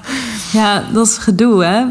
Ja, is lastig. En dat Ja, en denk is ik dat altijd aan iemand tabletop zelf. polyamorie Ja. zou dan toch wel makkelijker zijn, denk ik soms. Ja, dat denk ik ook wel. Want ik heb ook, ook wel gehad dat inderdaad mijn partners dan iemand die ik aan het daten was niet mochten of zo. En dan is het ook van, ja, dat is lekker eh, als je daar bent en niet eh, als je hier bent. Ja. Ja, nou ja, het zijn de. Hey, uh, ja, goed, jullie hebben er natuurlijk geen last van. Maar dat is natuurlijk. Mensen vragen me: oké, okay, Jeanette, en wat doe je dan met kerst en met je verjaardag en met oud en nieuw? Dat nou, heb ik ook wel last van hoor. Want er zijn best wel veel ouders als je alles bij elkaar optelt. dus nee, ik heb al de afgelopen jaren altijd gewoon meer dan twee kerstdagen. En dan, uh, en dan iedereen vraagt gewoon zelf mee wie zij mee willen vragen. Um, dus ik vraag uh, Felix en, en Richard en Mick mee. En dan bijvoorbeeld Mick vroeg uh, uh, Richard en mij mee. En Felix vroeg weer alleen mij mee. En zo doet iedereen gewoon wat ze prettig vinden. en wie zij op dat moment zien als partners die ze mee willen naar hun ouders. Of die dat leuk vinden. Als de ouders het ook leuk vinden. Want dat is natuurlijk ook altijd de vraag. Ja, en gaan die mee in, oh, hoezo vijfde kerstdag? Die kennen we niet. ja, daar hebben we wel denk ik heel erg geluk mee inderdaad. Uh, dat we dan uh, allemaal, of een aantal ouders hebben die gewoon zeggen van... oké, kom maar langs wanneer je langskomt, prima. Ze wonen ook allemaal relatief ver weg. Dus als we komen, dan moet het ook geregeld worden en zo. En uh, dan blijven we slapen. Dus, dus zij vinden het juist denk ik ook wel fijn dat het een beetje verspreid wordt over de, over de kerstweek. Oh ja, ja. Ja, dan bijvoorbeeld wij bij ons, ja, het is maar één keer oud en nieuw. Dat was dit jaar, omdat we nu dus ook, ja, met je collega ga je niet uh, dan samen oud en nieuw vieren. Dan zeg je, ja, hoe gaan we dat dan doen? Um, oh, ik hoor wel eens mensen die zeg maar elk jaar, of zeg maar om en om doen. Ja, dat doen wij jaar. dus nu. Oké, ja. ja. En ik had dan het geluk of het nadeel, dat weet ik niet. Dat uh, ik nu de eerste keer... Uh, mm. Want het jaar daarvoor hebben we gewoon met z'n drieën gedaan. En toen was het allemaal nog heel nieuw en spannend en leuk. En ook heel experimenteel en ook heel seksueel, weet je wel. Dan is het ook één oh, groot ja. feest. Toen het nog leuk was, ja. Ja, toen alles nog oké okay was. Ja. Hoe, dat is natuurlijk, uh, natuurlijk een groot mysterie voor mensen. Hoe regel je dat als je met z'n vieren samenwoont? Is dat dan altijd ja, het is nu dan even zo dat we in één huis wonen door corona, inderdaad. Maar normaal uh, gesproken wonen Richard en ik in één huis waar vet veel ruimte is. En als uh, Richard iemand heeft die komt slapen, slaapt diegene bij Richard. En als ik iemand heb die komt slapen, slaapt diegene bij mij. En als we hier alle vier slapen, dan meestal gewoon verdeeld over de twee slaapkamers. Of uh, nou, ook wel eens met zeg maar, uh, Felix en Mick en ik zien elkaar ook best wel veel met z'n drieën. Dus dan we wel eens gewoon bij mij op mijn kamer. Um, dus dat is heel goed te doen, omdat dus het, ons huis groot genoeg is en Felix en Mick allebei een eigen huis hebben. Maar ik ken ook mensen die echt zeggen: ja, ik kan niet met mijn partner samen zijn in mijn huis als mijn partner ook thuis is, want die hebben helemaal niks met elkaar en we hebben maar één slaapkamer. Ja, dat is super ingewikkeld. Ik zou ook mijn god niet weten wat daar het antwoord op is eigenlijk. Nee, nee, nee. Nou, ik ook niet. nee. Nee, we hebben gewoon heel erg geluk gehad met, met en dit huis en dat we elkaar allemaal lief vinden, denk ik. Ja, ja, ja. Word je het nooit fit raar om, nou vast niet, want je part in die podcast natuurlijk daar super open over. Word je er wel eens gek op aangekeken ook? Dat je zo open alles deelt en daar zo transparant in bent. Want je laat heel veel, je staat natuurlijk heel kwetsbaar op. Ja, ja voor mij heeft het, denk ik, ben eigenlijk ook altijd al zo geweest. Dus het heeft ook nooit heel erg als een hele grote keuze gevoeld om zo kwetsbaar te zijn. En er leeft natuurlijk een idee dat liefde en seks onderwerpen zijn die kwetsbaarder zijn dan andere onderwerpen. Maar goed, er zijn ook genoeg mensen die zo niet durven praten over carrière, misstaps of fails of zo. En dat zou ik ook gewoon doen. Um, ik heb gewoon gekozen voor radicale openheid. En het heeft me meer gebracht dan dat het me heeft afgenomen. Het heeft me eigenlijk helemaal niks afgenomen. Um, en vaak als mensen kritisch zijn op uh, bijvoorbeeld hoe ik liefde doe, of hoe ik seks doe, of hoe ik daarover praat, of hoe ik daar tegenaan kijk, dan denk ik ook alleen maar van ja, die houding gaat voor die persoon nog wel eens super saai en vervelend en pijnlijk worden. Terwijl mijn, mijn alles is oké en ik sta overal voor open houding alleen maar heeft gezorgd tot voor hele leuke en spannende en uh, goede dingen. Dus ik, ik word elke keer beloond voor die keuze, waardoor mijn hoofd is van oké, we blijven deze openheid houden. Ja. en ik heb ja ik ben gewoon nooit verlegen geweest. Ik ben als kind heel veel verhuisd en dat heeft daar denk ik heel erg tegen geholpen. Dus zeg maar, ik heb ja, schaamte niet echt iets wat ik ken. dus dat helpt. Het is ook wel een luxe. Dus ik ben er ook wel dankbaar voor. Maar ik heb het mezelf niet echt aangeleerd of zo, denk ik. Hmm. Ja, mooi. En ook, uh, ik denk altijd maar zo... Want ja, ik deel alles. Ik maai mensen... Vind ik, ik uh, Maar ze daar ook het gas voor de voeten weg. Want ja, wat je ook tegen me wilt gebruiken. I don't Je care. hebt het al, ja. Want ik, je mag alles weten. Ik heb niks te verbergen. Weet je wel, wat jij een dirty secret of iets stiekems gaat noemen. Ja, eh, sorry, dat bestaat in mijn Nee, dat heb ik niet. Want ja, goed. eh, inderdaad, die transparantie. Onze regel is gewoon echt eerlijkheid. Eh, eerlijk naar jezelf durven zijn, maar ook eerlijk naar de ander durven zijn. En dat Ja, is soms mooi. echt heel moeilijk. Ook wat je zei, dat allereerste gesprek, gewoon de allereerste keer zeggen van... oh, maar ik vind dit eigenlijk niet leuk, of ik wil dit wel leuk, of ik wil misschien dit. Weet je, daar begint het al. Bij dat soort kleine dingetjes eerlijk zijn. ja. Ehm, en als, ja, voor mij was het ook gewoon continu af blijven checken. Oké, voor wie doe ik dit? Doe ik dit voor jou? Of doe ik dit voor mij? Of voor de buitenwereld? En wat vind Ja. Ja, dus... ehm, ja, maar zodra je die ik- bewustheid hebt, dan ga je, ja. Dan kun, niemand kan mij iets maken. Denk, ja, dat is jouw mening. I Ja. really don't care. Ja, ik heb, maar uiteindelijk zijn er veel meningen worden natuurlijk gewoon achter je rug om besproken. En daar heb ik sowieso geen last van, want die hoor ik niet. Maar ik heb wel eens inderdaad met iemand een discussie in de kroeg gehad die echt was van, maar hoe kun je nou met deze twee mensen? En ik was echt, why do you care so much? maar dit is, gaat je hier, wat, hè, hoe heeft dit in godsnaam invloed op jouw leven? En kijk, uiteindelijk, kijk, weet wel dat het uiteindelijk voortkomt uit eh, dat waarschijnlijk iemand ooit op die persoon is vreemd gegaan en dat ze daardoor een heel erg hardvochtig idee hebben over. ehm, eh, wat is trouw en dat dat maar één vorm kan zijn. En ik snap dat je pijn hebt, maar je pijn is niet mijn probleem. Ja, oh, 100 procent. ja. Oh, ik vond het heel. Dat is ook een van de redenen waarom ik bijvoorbeeld met mijn. Nou, niet eh, ex-sister geen contact meer heb. Als, je, als iemand heel jaloers. Maar dat kan ook met je in je vriendenkring of je familie. Iedereen heeft wel gewoon die ene vriend of vriendin die eigenlijk te onzeker is. Of. eh, het is heel vermoeiend. We continu het, het object van iemand zijn angstprojecties te zijn. Denk ik, hé, Ja. hey, maar met mij ging het eigenlijk helemaal prima. Hou die. En dan, maar dat kost me ook even. Ik moet het even van me afschudden, weet je wel. Dan Ja. komt er weer een sneer of een opmerking of iets. En denk ik echt, wat is dit nou? Dit is, ja, oké, het is jouw angst. Dat projecteer je nu op mij. Ik heb er eigenlijk niks mee van doen.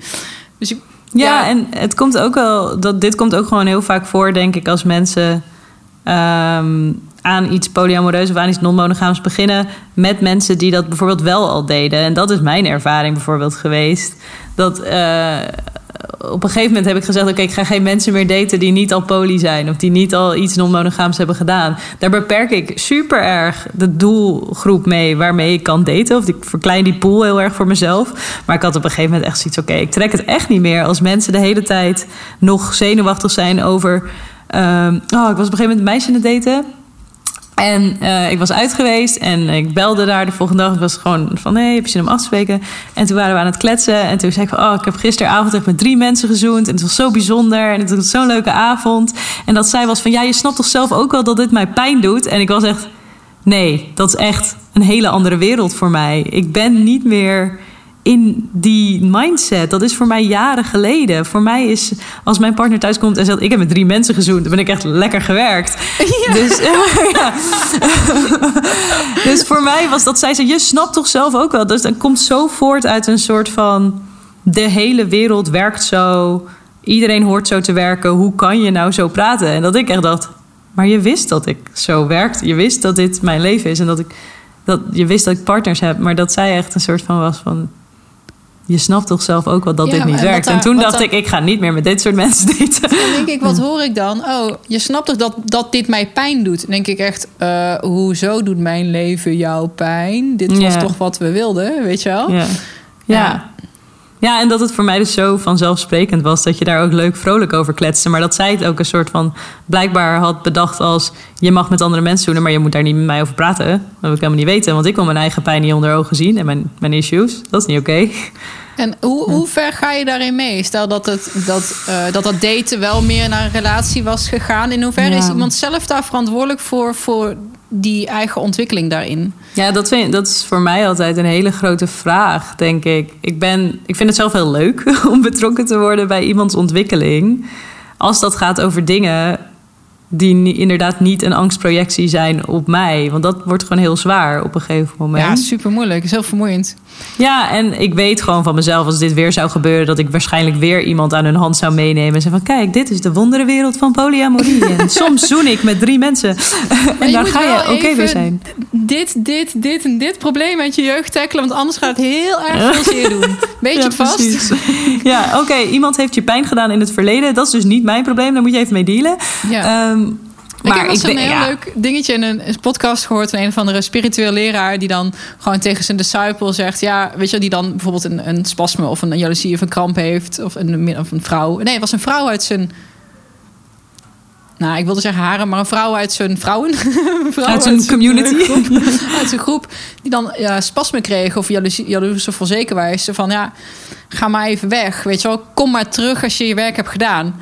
En het was een heel erg een eye-opener. Van, oh, maar ik hoef het eigenlijk helemaal niet te tolereren... dat ik dat leidzaam onderga, zeg maar... totdat iemand uit zijn gestuntel is. Ik kan mij daaruit distancieren en zeggen... hey, not my circus, Ja. not my monkeys. Doe, ga jij Ja. werk maar doen en kom maar terug als je klaar bent. En je mag terugkomen. Ik sta hier met open armen als je Ja. terugkomt. Maar het is even jouw ding en dan moet je even zelf fixen nu. Ja, en ik heb, ik heb on- ontzettend de, de reactie op als iemand zo'n trigger heeft of zo verdriet heeft. Ik heb uit mezelf gewoon heel erg de reactie dat ik er dan bij wil gaan zitten en iemand er helemaal doorheen wil lopen. Maar ik moet juist mezelf leren om er vanaf te stappen. Ja, precies en dat, te zijn van, oké, ik zie dit. Dit was mijn spiegel. Nu, nu ga ik weer. Ja. Ja. ja. Ja. Maar ik weet dat ik dat moeilijk vind. Ik weet dat als iemand dan zo een issue heeft, dat ik ben van kom, we gaan door je issue heen werken. Yay! Dit is een leuke zaterdagavond bezigheid. En dat is ook denk ik het probleem. Ik vind het helemaal niet vervelend vaak. Maar er is wel echt een grens aan ehm, beperkt worden door iemand die zegt: Je snapt toch ook wel zelf wel dat dit mij pijn doet. En dat ik ben van, "Mwah, ik denk meer dat het je monogame overblijfselen zijn dan dat het je echt pijn doet. Ik denk dat je gelooft dat je pijn hebt, maar ik denk niet dat het eh, een, een force of nature is, die pijn, die jaloezie. Wel, ehm, eh, het getuigt van jou dat je daar, als je, dat, als je er zo in staat, als je dat dan even terugspiegelen op mijn situatie. Bijvoorbeeld mijn vriend die een heel groot verantwoordelijkheidsgevoel. En dan, weet je, dan is er een spasme en die voelt zich ook van, oh shit, ik heb het, die wil het gewoon graag gaan fixen. En schiet daarin in zijn eigen soort van onmacht. Zo van, oh, maar ik kan het helemaal niet fixen. Weet je, wat, wat is dan weer een trigger van hem? Dus dan mag hij dan weer aan werken. Maar Ja. eh, dat, dat, die triggers jij dus niet hebt. Dat jij eigenlijk gewoon heel, dat, dat heel glashelder zegt van... hé, maar wacht eens even, dat is jouw ding. Weet je Ja, dat zou ik willen. Maar Oh, ik ga dus wel willen, helpen. Dit is de perfecte versie. nee, mijn, eh, mijn, mijn eerste reactie is inderdaad ook van... kom, we gaan zitten en eraan werken. Zonder En- zelf dus ja. getriggerd te worden. Want ja, kan en bij zeker bij, zo'n, eh, ja, zeker bij zo'n meisje waar ik dan op dat moment vet verliefd op ben... waar ik het daten heel erg leuk vind. En dat zij is van, je snapt dit toch zelf ook wel? En dat, dan denk ik, ah, ja, ik kan nu ook gewoon snel de uitleg geven van... hé, hey, dit is wat monogamie is, dit is wat het met je doet... eh, dit is wat ik heb geleerd, misschien kan je er wat mee...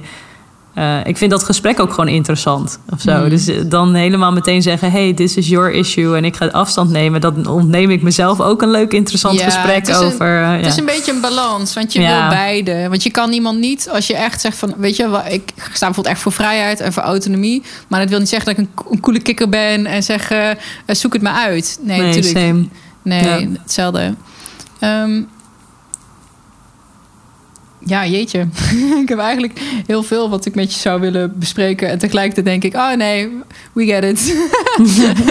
het is meer denk ik, wat hoor jij eigenlijk aan de, van de buitenwereld nog? Ehm, voor mijn gevoel zit jij heel erg in een, in een groep of in een soort van community van like-minded people. Eh, krijg je nog een beetje mee hoe daarna je wordt gekeken of wat mensen van je vinden? Stel dat het je zou interesseren.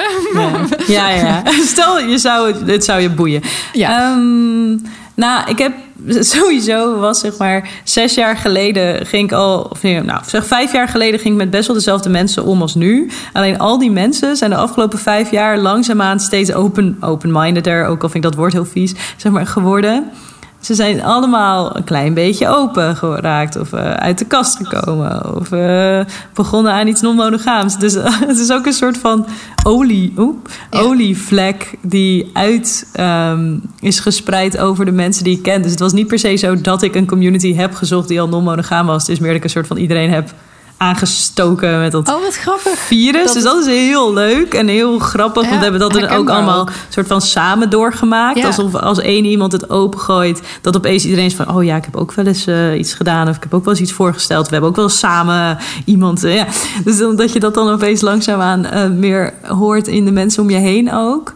Maar ik zit ook bij heel veel clubs waarin het helemaal niet zo standaard is. En daar heb ik vooral gewoon de afgelopen jaren gezien dat het een steeds meer besproken onderwerp werd. En ook meer in de media kwam. En uh, nu weet hè, de gemiddelde persoon van 25, 30 weet wat polyamorie is. Dat is al vrij normaal. En dat was toen ik hier aan begon, had ik zelf niet eens een idee dat ik wat ik aan het doen was, omdat ik geen woorden had.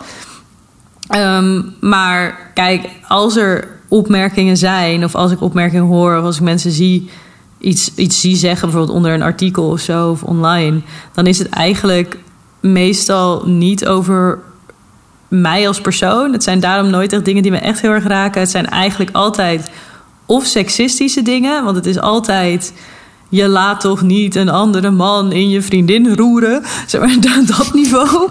Um, dus het is heel seksistisch met een soort van idee van vrouwen zijn eigendom. En dat gaat bij mij al zo over mijn hoofd heen dat het me niet eens kan raken. Uh, kilometers langs me heen. Het bedoel, maakt me boos dat het seksistisch is. Um, maar het staat zo ver weg van mij, van mijn denkbeeld over uh, mensen die geen eigendom zijn.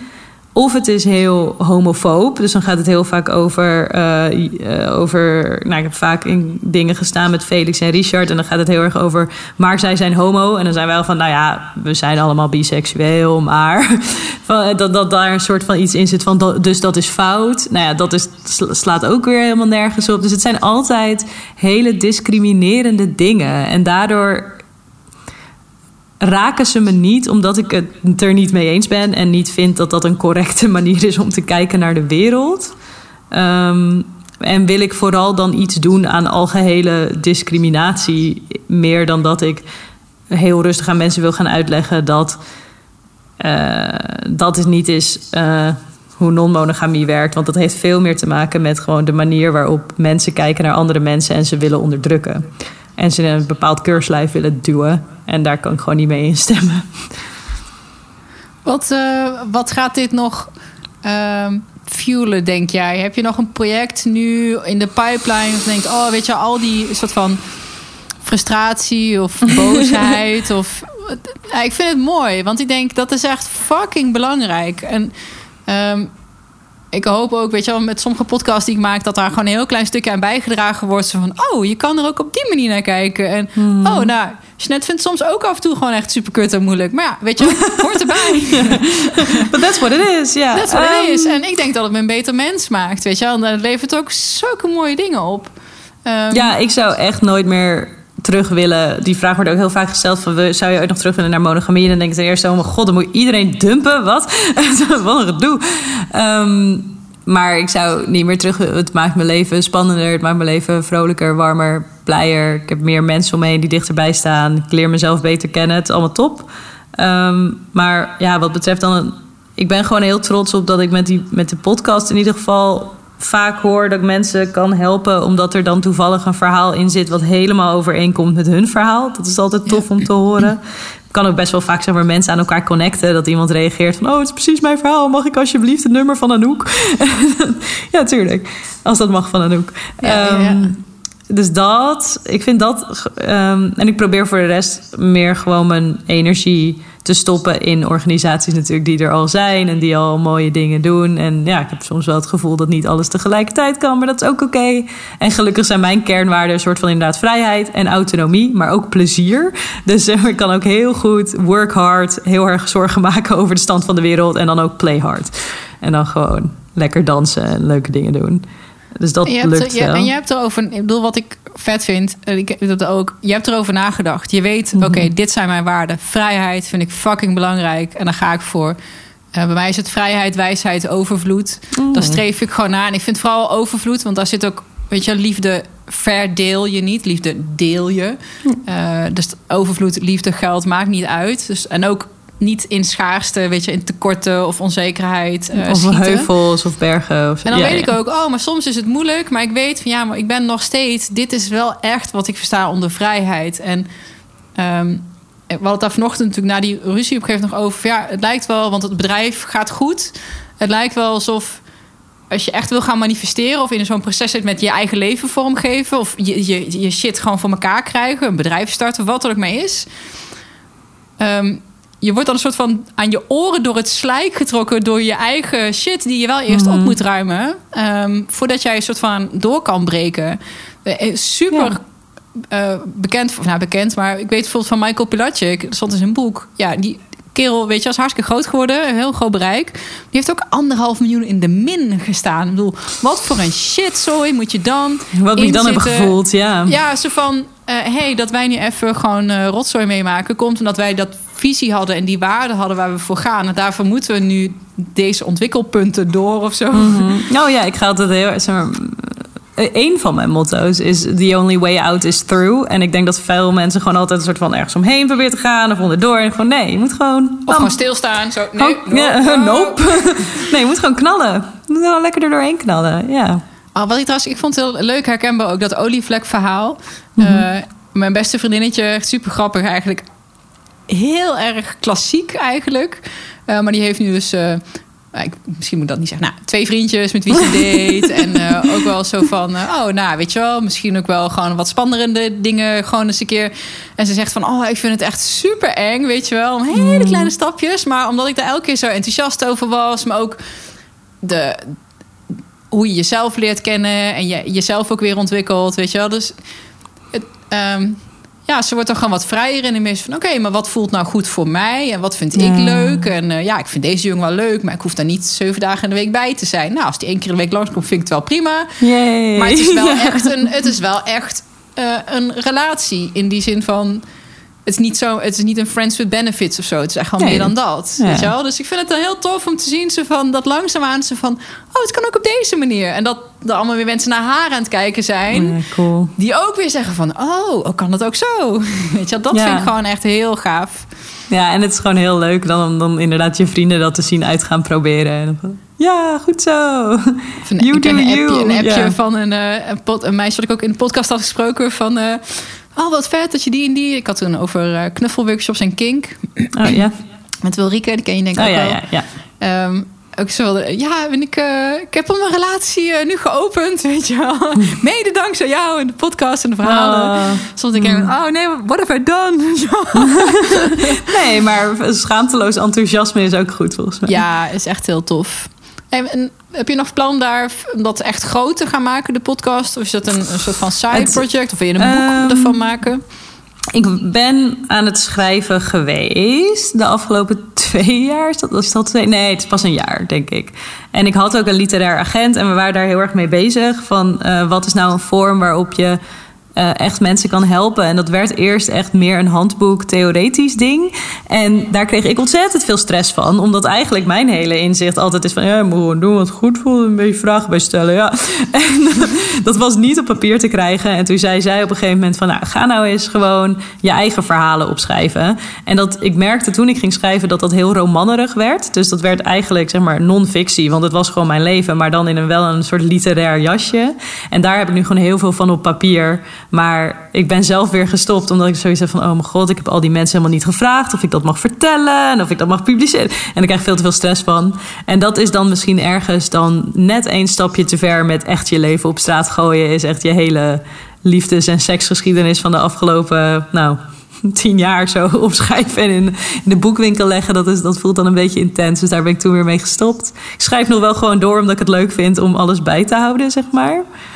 Maar ja, de podcast. Ik ben er heel blij mee. Ik vind het heel tof juist dat het een soort van soms klein is. En ik ben er echt mee begonnen met het idee dat het een database moest zijn. Dus dat het echt elk soort verhaal moet erin zitten op een gegeven moment. Meer dan dat het een soort ontwikkeling doormaakt. Of, ehm, en als het groter wordt, wordt het groter. En als het niet groter wordt, dan wordt het niet groter. Het is niet iets wat ik zie als een bedrijf. Want ik wil het juist blijven zien als een hobby. En iets wat ik doe voor de Nederlandse non-monogame community. Zolang die groeit, dat ik dat kan blijven geven of zo.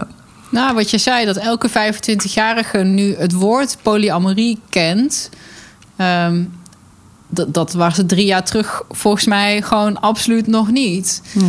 Dus eh, er is volgens mij van allen... Ja, nu zijn natuurlijk door corona... is iedereen even natuurlijk met totaal andere dingen bezig. Wat ik ook wel interessant vond, van hoe doe je dat dan? Weet je wel, want wij zaten echt... Wow, dat was stressen, jongen. Toen we dachten van misschien komt er een lockdown... voor die allereerste persconferentie. zo van ja, waar ga je dan zitten? Ja, wat, wat, wat hebben jullie uiteindelijk, hoe hebben jullie die keuze gemaakt? Vind ik echt namelijk super interessant. Ehm, nou, ik, ik woon alleen en zij woont alleen. Dus hij rijdt eh, nu één keer in de vier dagen. Oh, Oké, en jullie zien wel gewoon echt elkaar alleen, ja. Ja, ja, ja. Nee, verder eh, gewoon houden we ons netjes aan de regels. En dan ga ik alleen Ja. boodschappen doen als het moet. En we werken gewoon lekker thuis. En Ja. eh, gewoon alles zoals het hoort. Maar ja, dat was wel even spannend. Zo van, uh-oh. Ja, en Ja. nu wat? Ja. Dan Ja. zit je straks misschien twee maanden daar. Of twee maanden hier, weet je wel. En dat is ook stressvol, ja. Ja, want eerlijk, eerlijk is eerlijk. Ik ben ook echt gewoon super blij als ik weer alleen ben. Voor mij is het, Ja, ik ook. dit is de... Ik- Oké, ik vind vrijheid super belangrijk, maar ik wil niet alleen zijn. En dan denk ik, oh, ik vind het heerlijk als je hier drie, vier dagen bent. En dan ben ik weer gewoon weer heerlijk drie, vier dagen Ja. lekker alleen. Heerlijk. Ja, ik ben expres eh, vorige week voor drie of vier dagen in mijn eentje in Felix huis gaan zitten. Omdat ik was van, ik ben het even helemaal zat en ik wil even helemaal niemand meer zien. Ja, precies. Joe. Zo gewoon met de auto daarheen gegaan, daar gaan zitten. Daar ook inderdaad nergens naartoe, maar gewoon wel even rust aan mijn kop. Want ik, eh, is toch wel heel stressvol hier met z'n vieren zijn. Ja. Ja. Wat is voor jou de waarde van alleen zijn ook als je in, in zo'n groot... Nou, ik zeg, ik wil steeds als een soort netwerk beschrijven, maar in jouw relatienetwerk. Ja, familietje. ja, Familie, ja. ehm, ja, want we noemen het, zeg maar, we zijn van, zullen we afspreken met het gezin? Dan bedoelen we met z'n vieren, zeg maar. Ehm, ik ben, als er iemand anders waar ik om geef in een ruimte is, gaat er bij mij een soort zorgknop om. Eh, heb je wat gedronken? Heb je genoeg gegeten? Wat gaan we straks doen? Eh, en op het moment dat ik alleen ben, hoef ik niet handmatig die knop om te zetten, maar gaat hij gewoon om naar. Oh, heb ik al gedronken? Heb ik al gegeten? Kan ik even ons. Dus ik kan. eh, eh, ik ben heel erg bezig nu met wat betekent alleen zijn en eh, hoe wil ik dat voor mezelf inrichten en hoe kan ik het waarborgen in corona, maar ook in de rest van mijn leven. Want blijkbaar ben ik gewoon iemand die heel erg graag ja zegt tegen sociale afspraken. Terwijl ik soms dan daar zit en denk: oh mijn god, was ik maar drie dagen alleen. Ehm, maar ja, het is dus dat op dit moment nog dat als ik alleen ben, dat dan gewoon automatisch de ik moet mensen verzorgen knop uitgaat. En dat is gewoon iets wat je gewoon nodig hebt om rustig eh, tot rust te kunnen komen, denk Ja. ik. Oh, in mijn geval echt idem, precies hetzelfde. En dan ook nog, en je vindt iets van mij, weet je wel. Dat kan ik dan ook, want daar ben ik nog niet helemaal vanaf. Zo van, oh, eh, doe ik het wel goed, weet je wel. Ben je, waar- Hoe kijk je? Ben je boos? Ik ben heel erg bezig met de emotie van een ander. En me daar Oh, ook ja. heel verantwoordelijk voor voelen. Nou, het is super zorgzaam. En denk, oh, en als dat niet is, dan ah, kan Ja. ik me gewoon... Maar het is een vet interessante eh, vraag, toch? Zeg maar, hoe kan ik alleen zijn met mensen? Ja. Dat is nu, en nu gaat iedereen daarover praten, omdat iedereen dit probleem heeft. Dus het is de perfecte tijd om hier aan te werken. Ja, en hoe... hoe ja, jullie, ja, ik heb dan de luxe dat ik dan nog steeds die drie, vier dagen in de week alleen ben. Dus dat ik niet noodgedwongen daaraan moet gaan werken nu. Ehm, je zou al in een andere kamer eh, eh, gaan zitten. Maar Ja. volgens mij kan je ook, ja, als dat je in een treincoupé kan zitten, kan je ook afsluiten voor alle mensen om je heen. Maar dat gaat gewoon bijna niet als het je partner is. Nee. Nee, en zeker niet als je nooit echt hebt samengewoond. Ehm Richard is best wel een introvert persoon. Dus die zit gewoon veel lekker op zijn kamer... Met, eh, op zijn computers en gewoon dingen te doen. En bij hem voel ik het dus niet omdat we ook al lang in hetzelfde huis wonen en omdat hij eh, introvert is, maakt me ook niet druk. Terwijl als Felix of Mick hier is, ben ik echt van: ik moet jullie aaien. Ja, precies. Ja, Ehm, ja het, is, het is even een uitdaging. Gelukkig zijn we dan, of in ieder geval, ja, ik moet vooral voor mezelf spreken. Ik ben gewoon heel erg van de creatieve oplossingen. Dus ik dan ben dan heel snel van: oké, Felix, ik krijg jouw sleutel. Mick, jij brengt mij naar Amsterdam en dan ga ik daar zitten. Tabé. Ehm, dus ja, het is ook eh, denken dat alles kan, denk ik. En daar een oplossing voor vinden, zolang het duurt. En hoe ik het dan mentaal ga oplossen met leren alleen zijn in mijn hoofd, dat is, eh I don't know. I don't know yet. Dat is de, als je er boeken over weet, eh, stuur ze naar me op. Leren alleen zijn in je hoofd. Ja. Ehm, The Unfettered Soul van Die Michael Singer. Oké, nee. Eh, voor- ja, het is een. Ik vind Unfettered. Ik weet niet. Ach man, moeilijk. Hij ligt. Oh, deze. Toevallig ligt hij achter mij. Kijk. Oké, met een paard erop. Oké, Met een paard. dit kan ik onthouden. Who are you really? Vraagteken. Oh god. Tadadadam. Ik las Ehm. nu Alleen zijn van Sarah, Sarah Maitland. Maitland? Eh, Ik weet niet meer. Maar zij woont helemaal alleen ergens in de Schotse hooglanden met zeg maar één huis per acht vierkante kilometer of zo. En zij ging dus inderdaad ook vertellen van ja, je hebt nog steeds mensen nodig en je geeft nog steeds om mensen en dit is hoe je dat kan combineren. Uh, ja, oké. Okay. Ja, is de andere kant. Ja, precies. Ja. Terwijl als je midden in de stad woont en het is fucking druk van hoe sluit je je af en hoe zorg je dat dit. Ja, maar volgens mij is dat gewoon elke zen-leraar of elke meditatiecursus is daar natuurlijk op gericht gewoon in stilte met jezelf kunnen zijn. Ik ben echt in shock als ik hoor dat mensen. Nee, ik kan niet alleen zijn hoor, want dan oh, loop ik tegen de muur omhoog. Ik denk, wow, dan zeg je dus eigenlijk gewoon dat je niet met jezelf kan zijn. Oh nee, I love being met mezelf. Het probleem is dat er mensen zijn. Ja, maar ook van hoe massive dat is dat je dus gewoon eigenlijk mhm. jezelf afwijst. Maar nee, dat zeggen zoveel mensen. En die mensen geloven. Zeg maar, ah, ik snap niet hoe oké mensen ermee zijn dat ze de binnenkant van hun eigen hoofd niet leuk vinden. Ik heb echt het gevoel dat ik echt de perfecte gordijnen heb opgehangen in, mijn, in de, aan de binnenkant van mijn hoofd. Het is gewoon helemaal hoe ik het wil. En I like it. En het is nice. En dan komen mensen met inderdaad van... Oh ja, ik ga graag... Ehm, ja, ik wil gewoon veel series kijken, want dan hoef ik niet na te denken. En dan ben ik echt... Je hoofd heeft dat nodig. je hoofd moet nadenken, anders word je niet, dan word je niet comfy. Maar ja, dat hoe, is, Doe jij dat? Is dat boeken lezen of uh, podcast luisteren? Hoe, hoe hang jij die gordijntjes op? Nou, soms. Uh, ik werk, ik, ik, denk gewoon heel veel. En ik denk ook mm. terwijl ik andere dingen aan het doen ben. En ik heb pas vrij recent ontdekt dat dat blijkbaar niet is wat andere mensen doen. En dat mensen inderdaad helemaal in werk kunnen zitten of helemaal in serie. Terwijl ik juist het gevoel heb dat ik tegelijkertijd een soort extra tabblad open heb staan met over andere dingen nadenken. Ik dus heb het ooit aan een hoogleraar gevraagd, aan Ab Dijksterhuis. Die kwam toen op de universiteit als uh, professor, zeg maar, waar ik toen uh, mijn, uh, mijn, mijn afstuderen deed. en ik dan zo'n zaal met ook alleen maar andere hoogleraren. En ik was daar soort van per ongeluk beland of zo. Maar ik vond het vet wat hij deed, slim, onbewust. En ik hem af van achter in de zaal. Hallo, hallo meneer, mag ik een vraag stellen?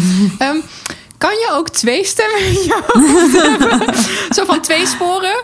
Ja. Van ja, nee, inderdaad. Er kan altijd nog zo'n tabblad open. Wat nog, alsof je daar dan bewust van bent. En hij keek me echt zo aan. Dus ik zo... Uh, Waar komt deze vraag vandaan? ik wil wel door de grond gaan. Maar een beetje dat. Ja, nog altijd dat... Uh, ja, Felix vroeg een keer aan mij van hoe kan je altijd zoveel van iemand onthouden en er dan later weer over terugvragen, terwijl we echt al zes minuten verder zijn in het gesprek. En dan ben ik echt, ja, er staat gewoon een soort van kanttekening over in een gesprek. En aan de ene kant heeft dat soms uh, ertoe geleid dat ik me heel manipulatief voel, omdat ik dan ergens op terugkom of een soort lijntjes probeer te leggen door gesprek heen. En dat is iets wat ik mezelf heb willen afleren en wat ik niet meer wil zijn. En soms leidt het ertoe dat ik een super geïnteresseerde gesprekspartner ben. dus ja, dus, uh, ik vind het ook raar om erachter te komen dat niet iedereen dat gevoel heeft. Of dat mensen dus inderdaad graag weglopen voor hun, ja, de binnenkant van hun kopie. Ja. Vind ik echt zonde. Wat is, uh, je gaat echt niet nog een andere krijgen. Wat is denk je iets wat, wat iemand die nu zit te luisteren of zo, die dat herkent of denkt, ja, nee, oké, jullie, uh, jullie hebben makkelijk lullen. Waarom kom ik daar in hemelsnaam? Wat zou je, wat zou je aanraden? Of wat is misschien een stapje geweest in jouw proces waarvan je denkt: oh ja, dat toen dat heeft echt wel een eye-opener gegeven of een inzicht gebracht? Ik heb heel, toen ik, zeg maar, psychologie ging studeren, heel veel, um, heel veel van die zelftestjes gedaan. En ze zijn allemaal relatief uh, pseudo-wetenschappelijk. Ze zijn niet echt, uh, we argumenteren dat het echt echt wat betekent. Maar vooral gewoon om een beetje mezelf te leren kennen. Waar herken ik mezelf nou in? Wat voor woorden passen nou bij mij? En zo een soort van identiteitsvinding doen, denk ik. Dus toch een soort van persoonlijkheidstrekjes bij jezelf gaan herkennen. En van, oh ja, dat hoort bij dat doosje van mij. Dit hoort bij dat doosje. Waardoor die binnenkant van je hoofd ook een soort van bijzonder wordt. En niet just another hat. En, uh, en dan dat je ook niet meer echt jezelf gaat vergelijken met andere mensen, maar gewoon gaat kijken wat zit er bij mij. Ik denk dat dat mij heel erg hielp. Ja. ja. Oh, zo had ik hem nog niet. Uh, leuk. Kijk, ja. dat is leuk. En dan maak ik van een podcast. Dat had ik zelf nog niet, uh, nog niet zo gezien. vet. Ja, er is die, uh, ik weet niet of jullie ook wel eens gedaan, die 16 personalities moet ik meteen aan mhm. denken. Ja, dan ben ik de protagonist natuurlijk, want hey oh. Wat? Oh. Ik was eerst de, en dat vind ik dan ook wel weer grappig, een, uh, niet de dictator. Ik zeg steeds dictator, maar het is niet de dictator. Er is een uh, zo'n poppetje met staf. Hè? Oh ja, dat, uh, ja, ik weet ze niet allemaal uit mijn hoofd. Ik gebruik dit wel soms op, op, op date night. Want het is ook een super goede gesprekstarter. Je date invullen. Ja. Oh, en dan zie je de uitkomst. nee, dan gaan we kletsen over oh, menselijke ontwikkeling. En wat voor persoonlijkheidsdekken ja. je kan hebben. En zo, ja. Ja, het, het, ik, ik heb daar toen ook echt veel aan gehad inderdaad. Ze van, oh, maar wacht eens even. En ook het idee dat er archetypen zijn. En dat er gewoon een soort van overkoepelende verhaallijnen zijn. Oh, hmm. ergens ben ik gewoon zo'n soort verhaal of zo'n soort Want wat ben je nu? Uh, ik was volgens mij niet de protagonist. Die... De mysticus, volgens mij. Nee, mystical en inspiring. Maar dat is... Hoe heette dat? Ik weet even zijn naampje niet meer van die... Van het poppetje. Ja, van het poppetje. Ik je ziet wel een poppetje voor je. nou, het was zo grappig, want hij is dus een beetje geshift. Want ik was eerst veel dominanter. Eh, maar dat klopt ook wel in hoe ik toen zat. En dat is iets meer naar het reflectieve uh, gegaan. En dan ben je net een.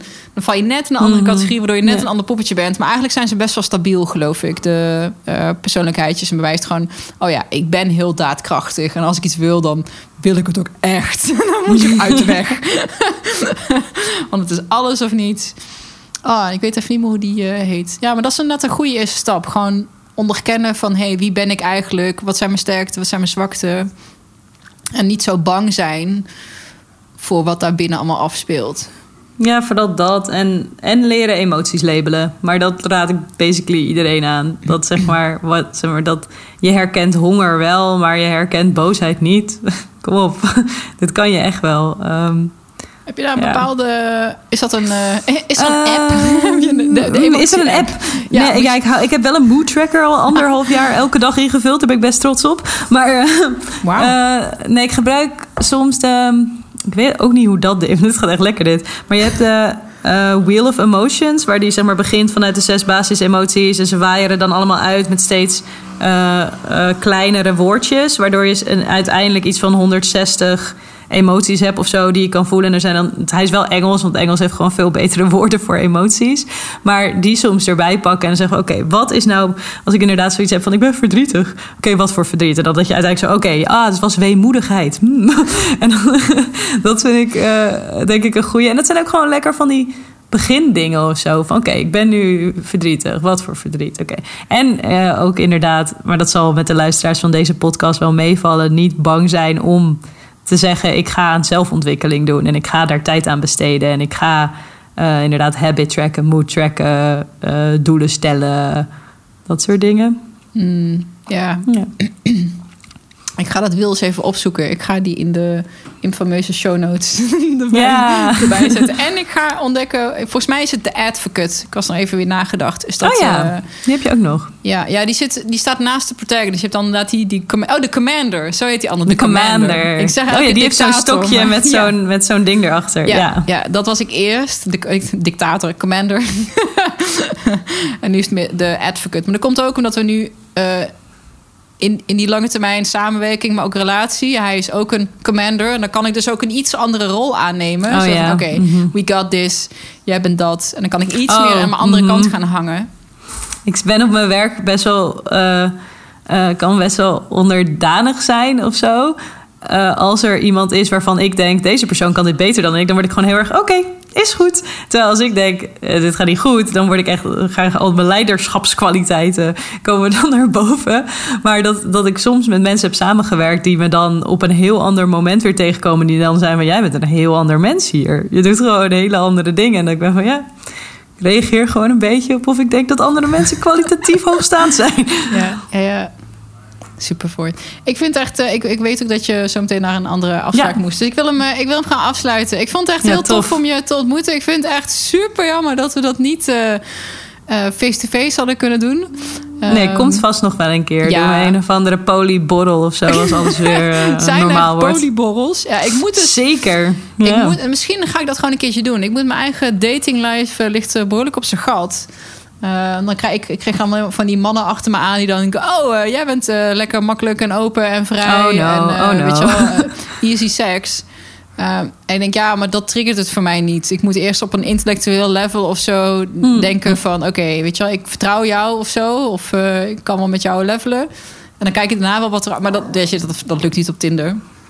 Maar er zijn heel veel leuke online dingen nu. Waar je bij aan kan sluiten of wat je kan bekijken. Ja, ik had alleen, uh, wat had ik nou laatst? Uh, Feedly.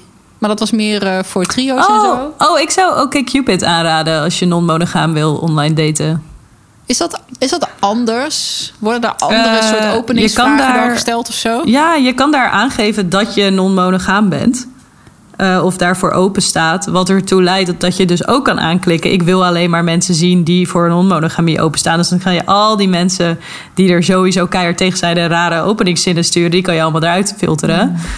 Uh, en ik vind dat hun algoritme best wel lekker werkt. Dat als je er zeg maar een uurtje op hebt besteed... dat je best wel eigenlijk alleen nog maar mensen krijgt te zien... die je daadwerkelijk aantrekkelijk vindt. Maar, oh. En dat, is Oké Cupid. Ja. Oké Cupid. Ja. Hmm, Oké, okay, nou we Staat zitten nog even wel, in quarantaine ja. geloof ik. Dus ik heb nog even de tijd om wat lijntjes uit te zetten. Ja.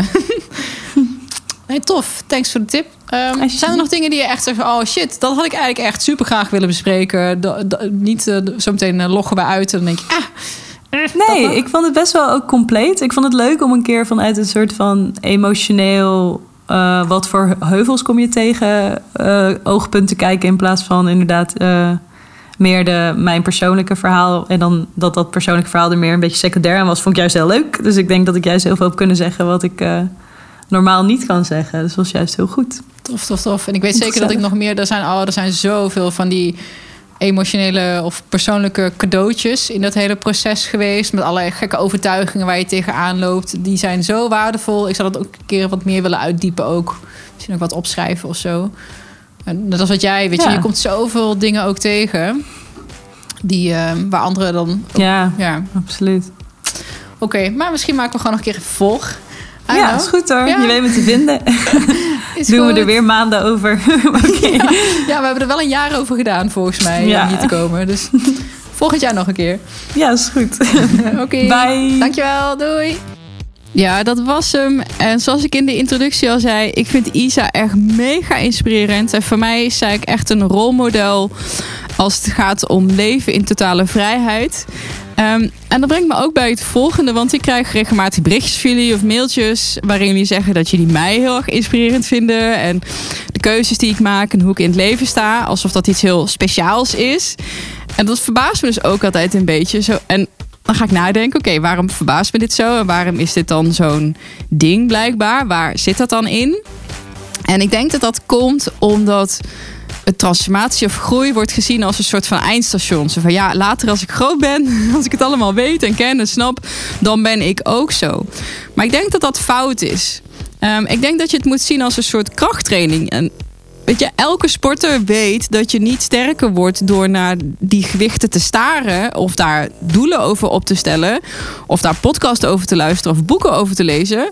Wat bij de way fucking amazing is dat als je geïnteresseerd bent in persoonlijke ontwikkeling, dat er gewoon bibliotheken vol zijn met geweldige boeken en fantastische podcasts en YouTube-filmpjes. Um, maar dat het toch iets is wat blijkbaar niet vanzelf gaat. En dat is dus ook de realisatie die ik met je wilde delen. Is, weet je wel, um, groeien is iets wat je doet. Dat is iets wat in je dagelijks leven zit. Het is een soort levenshouding. Het zijn uh, de manieren waarop je de dingen doet.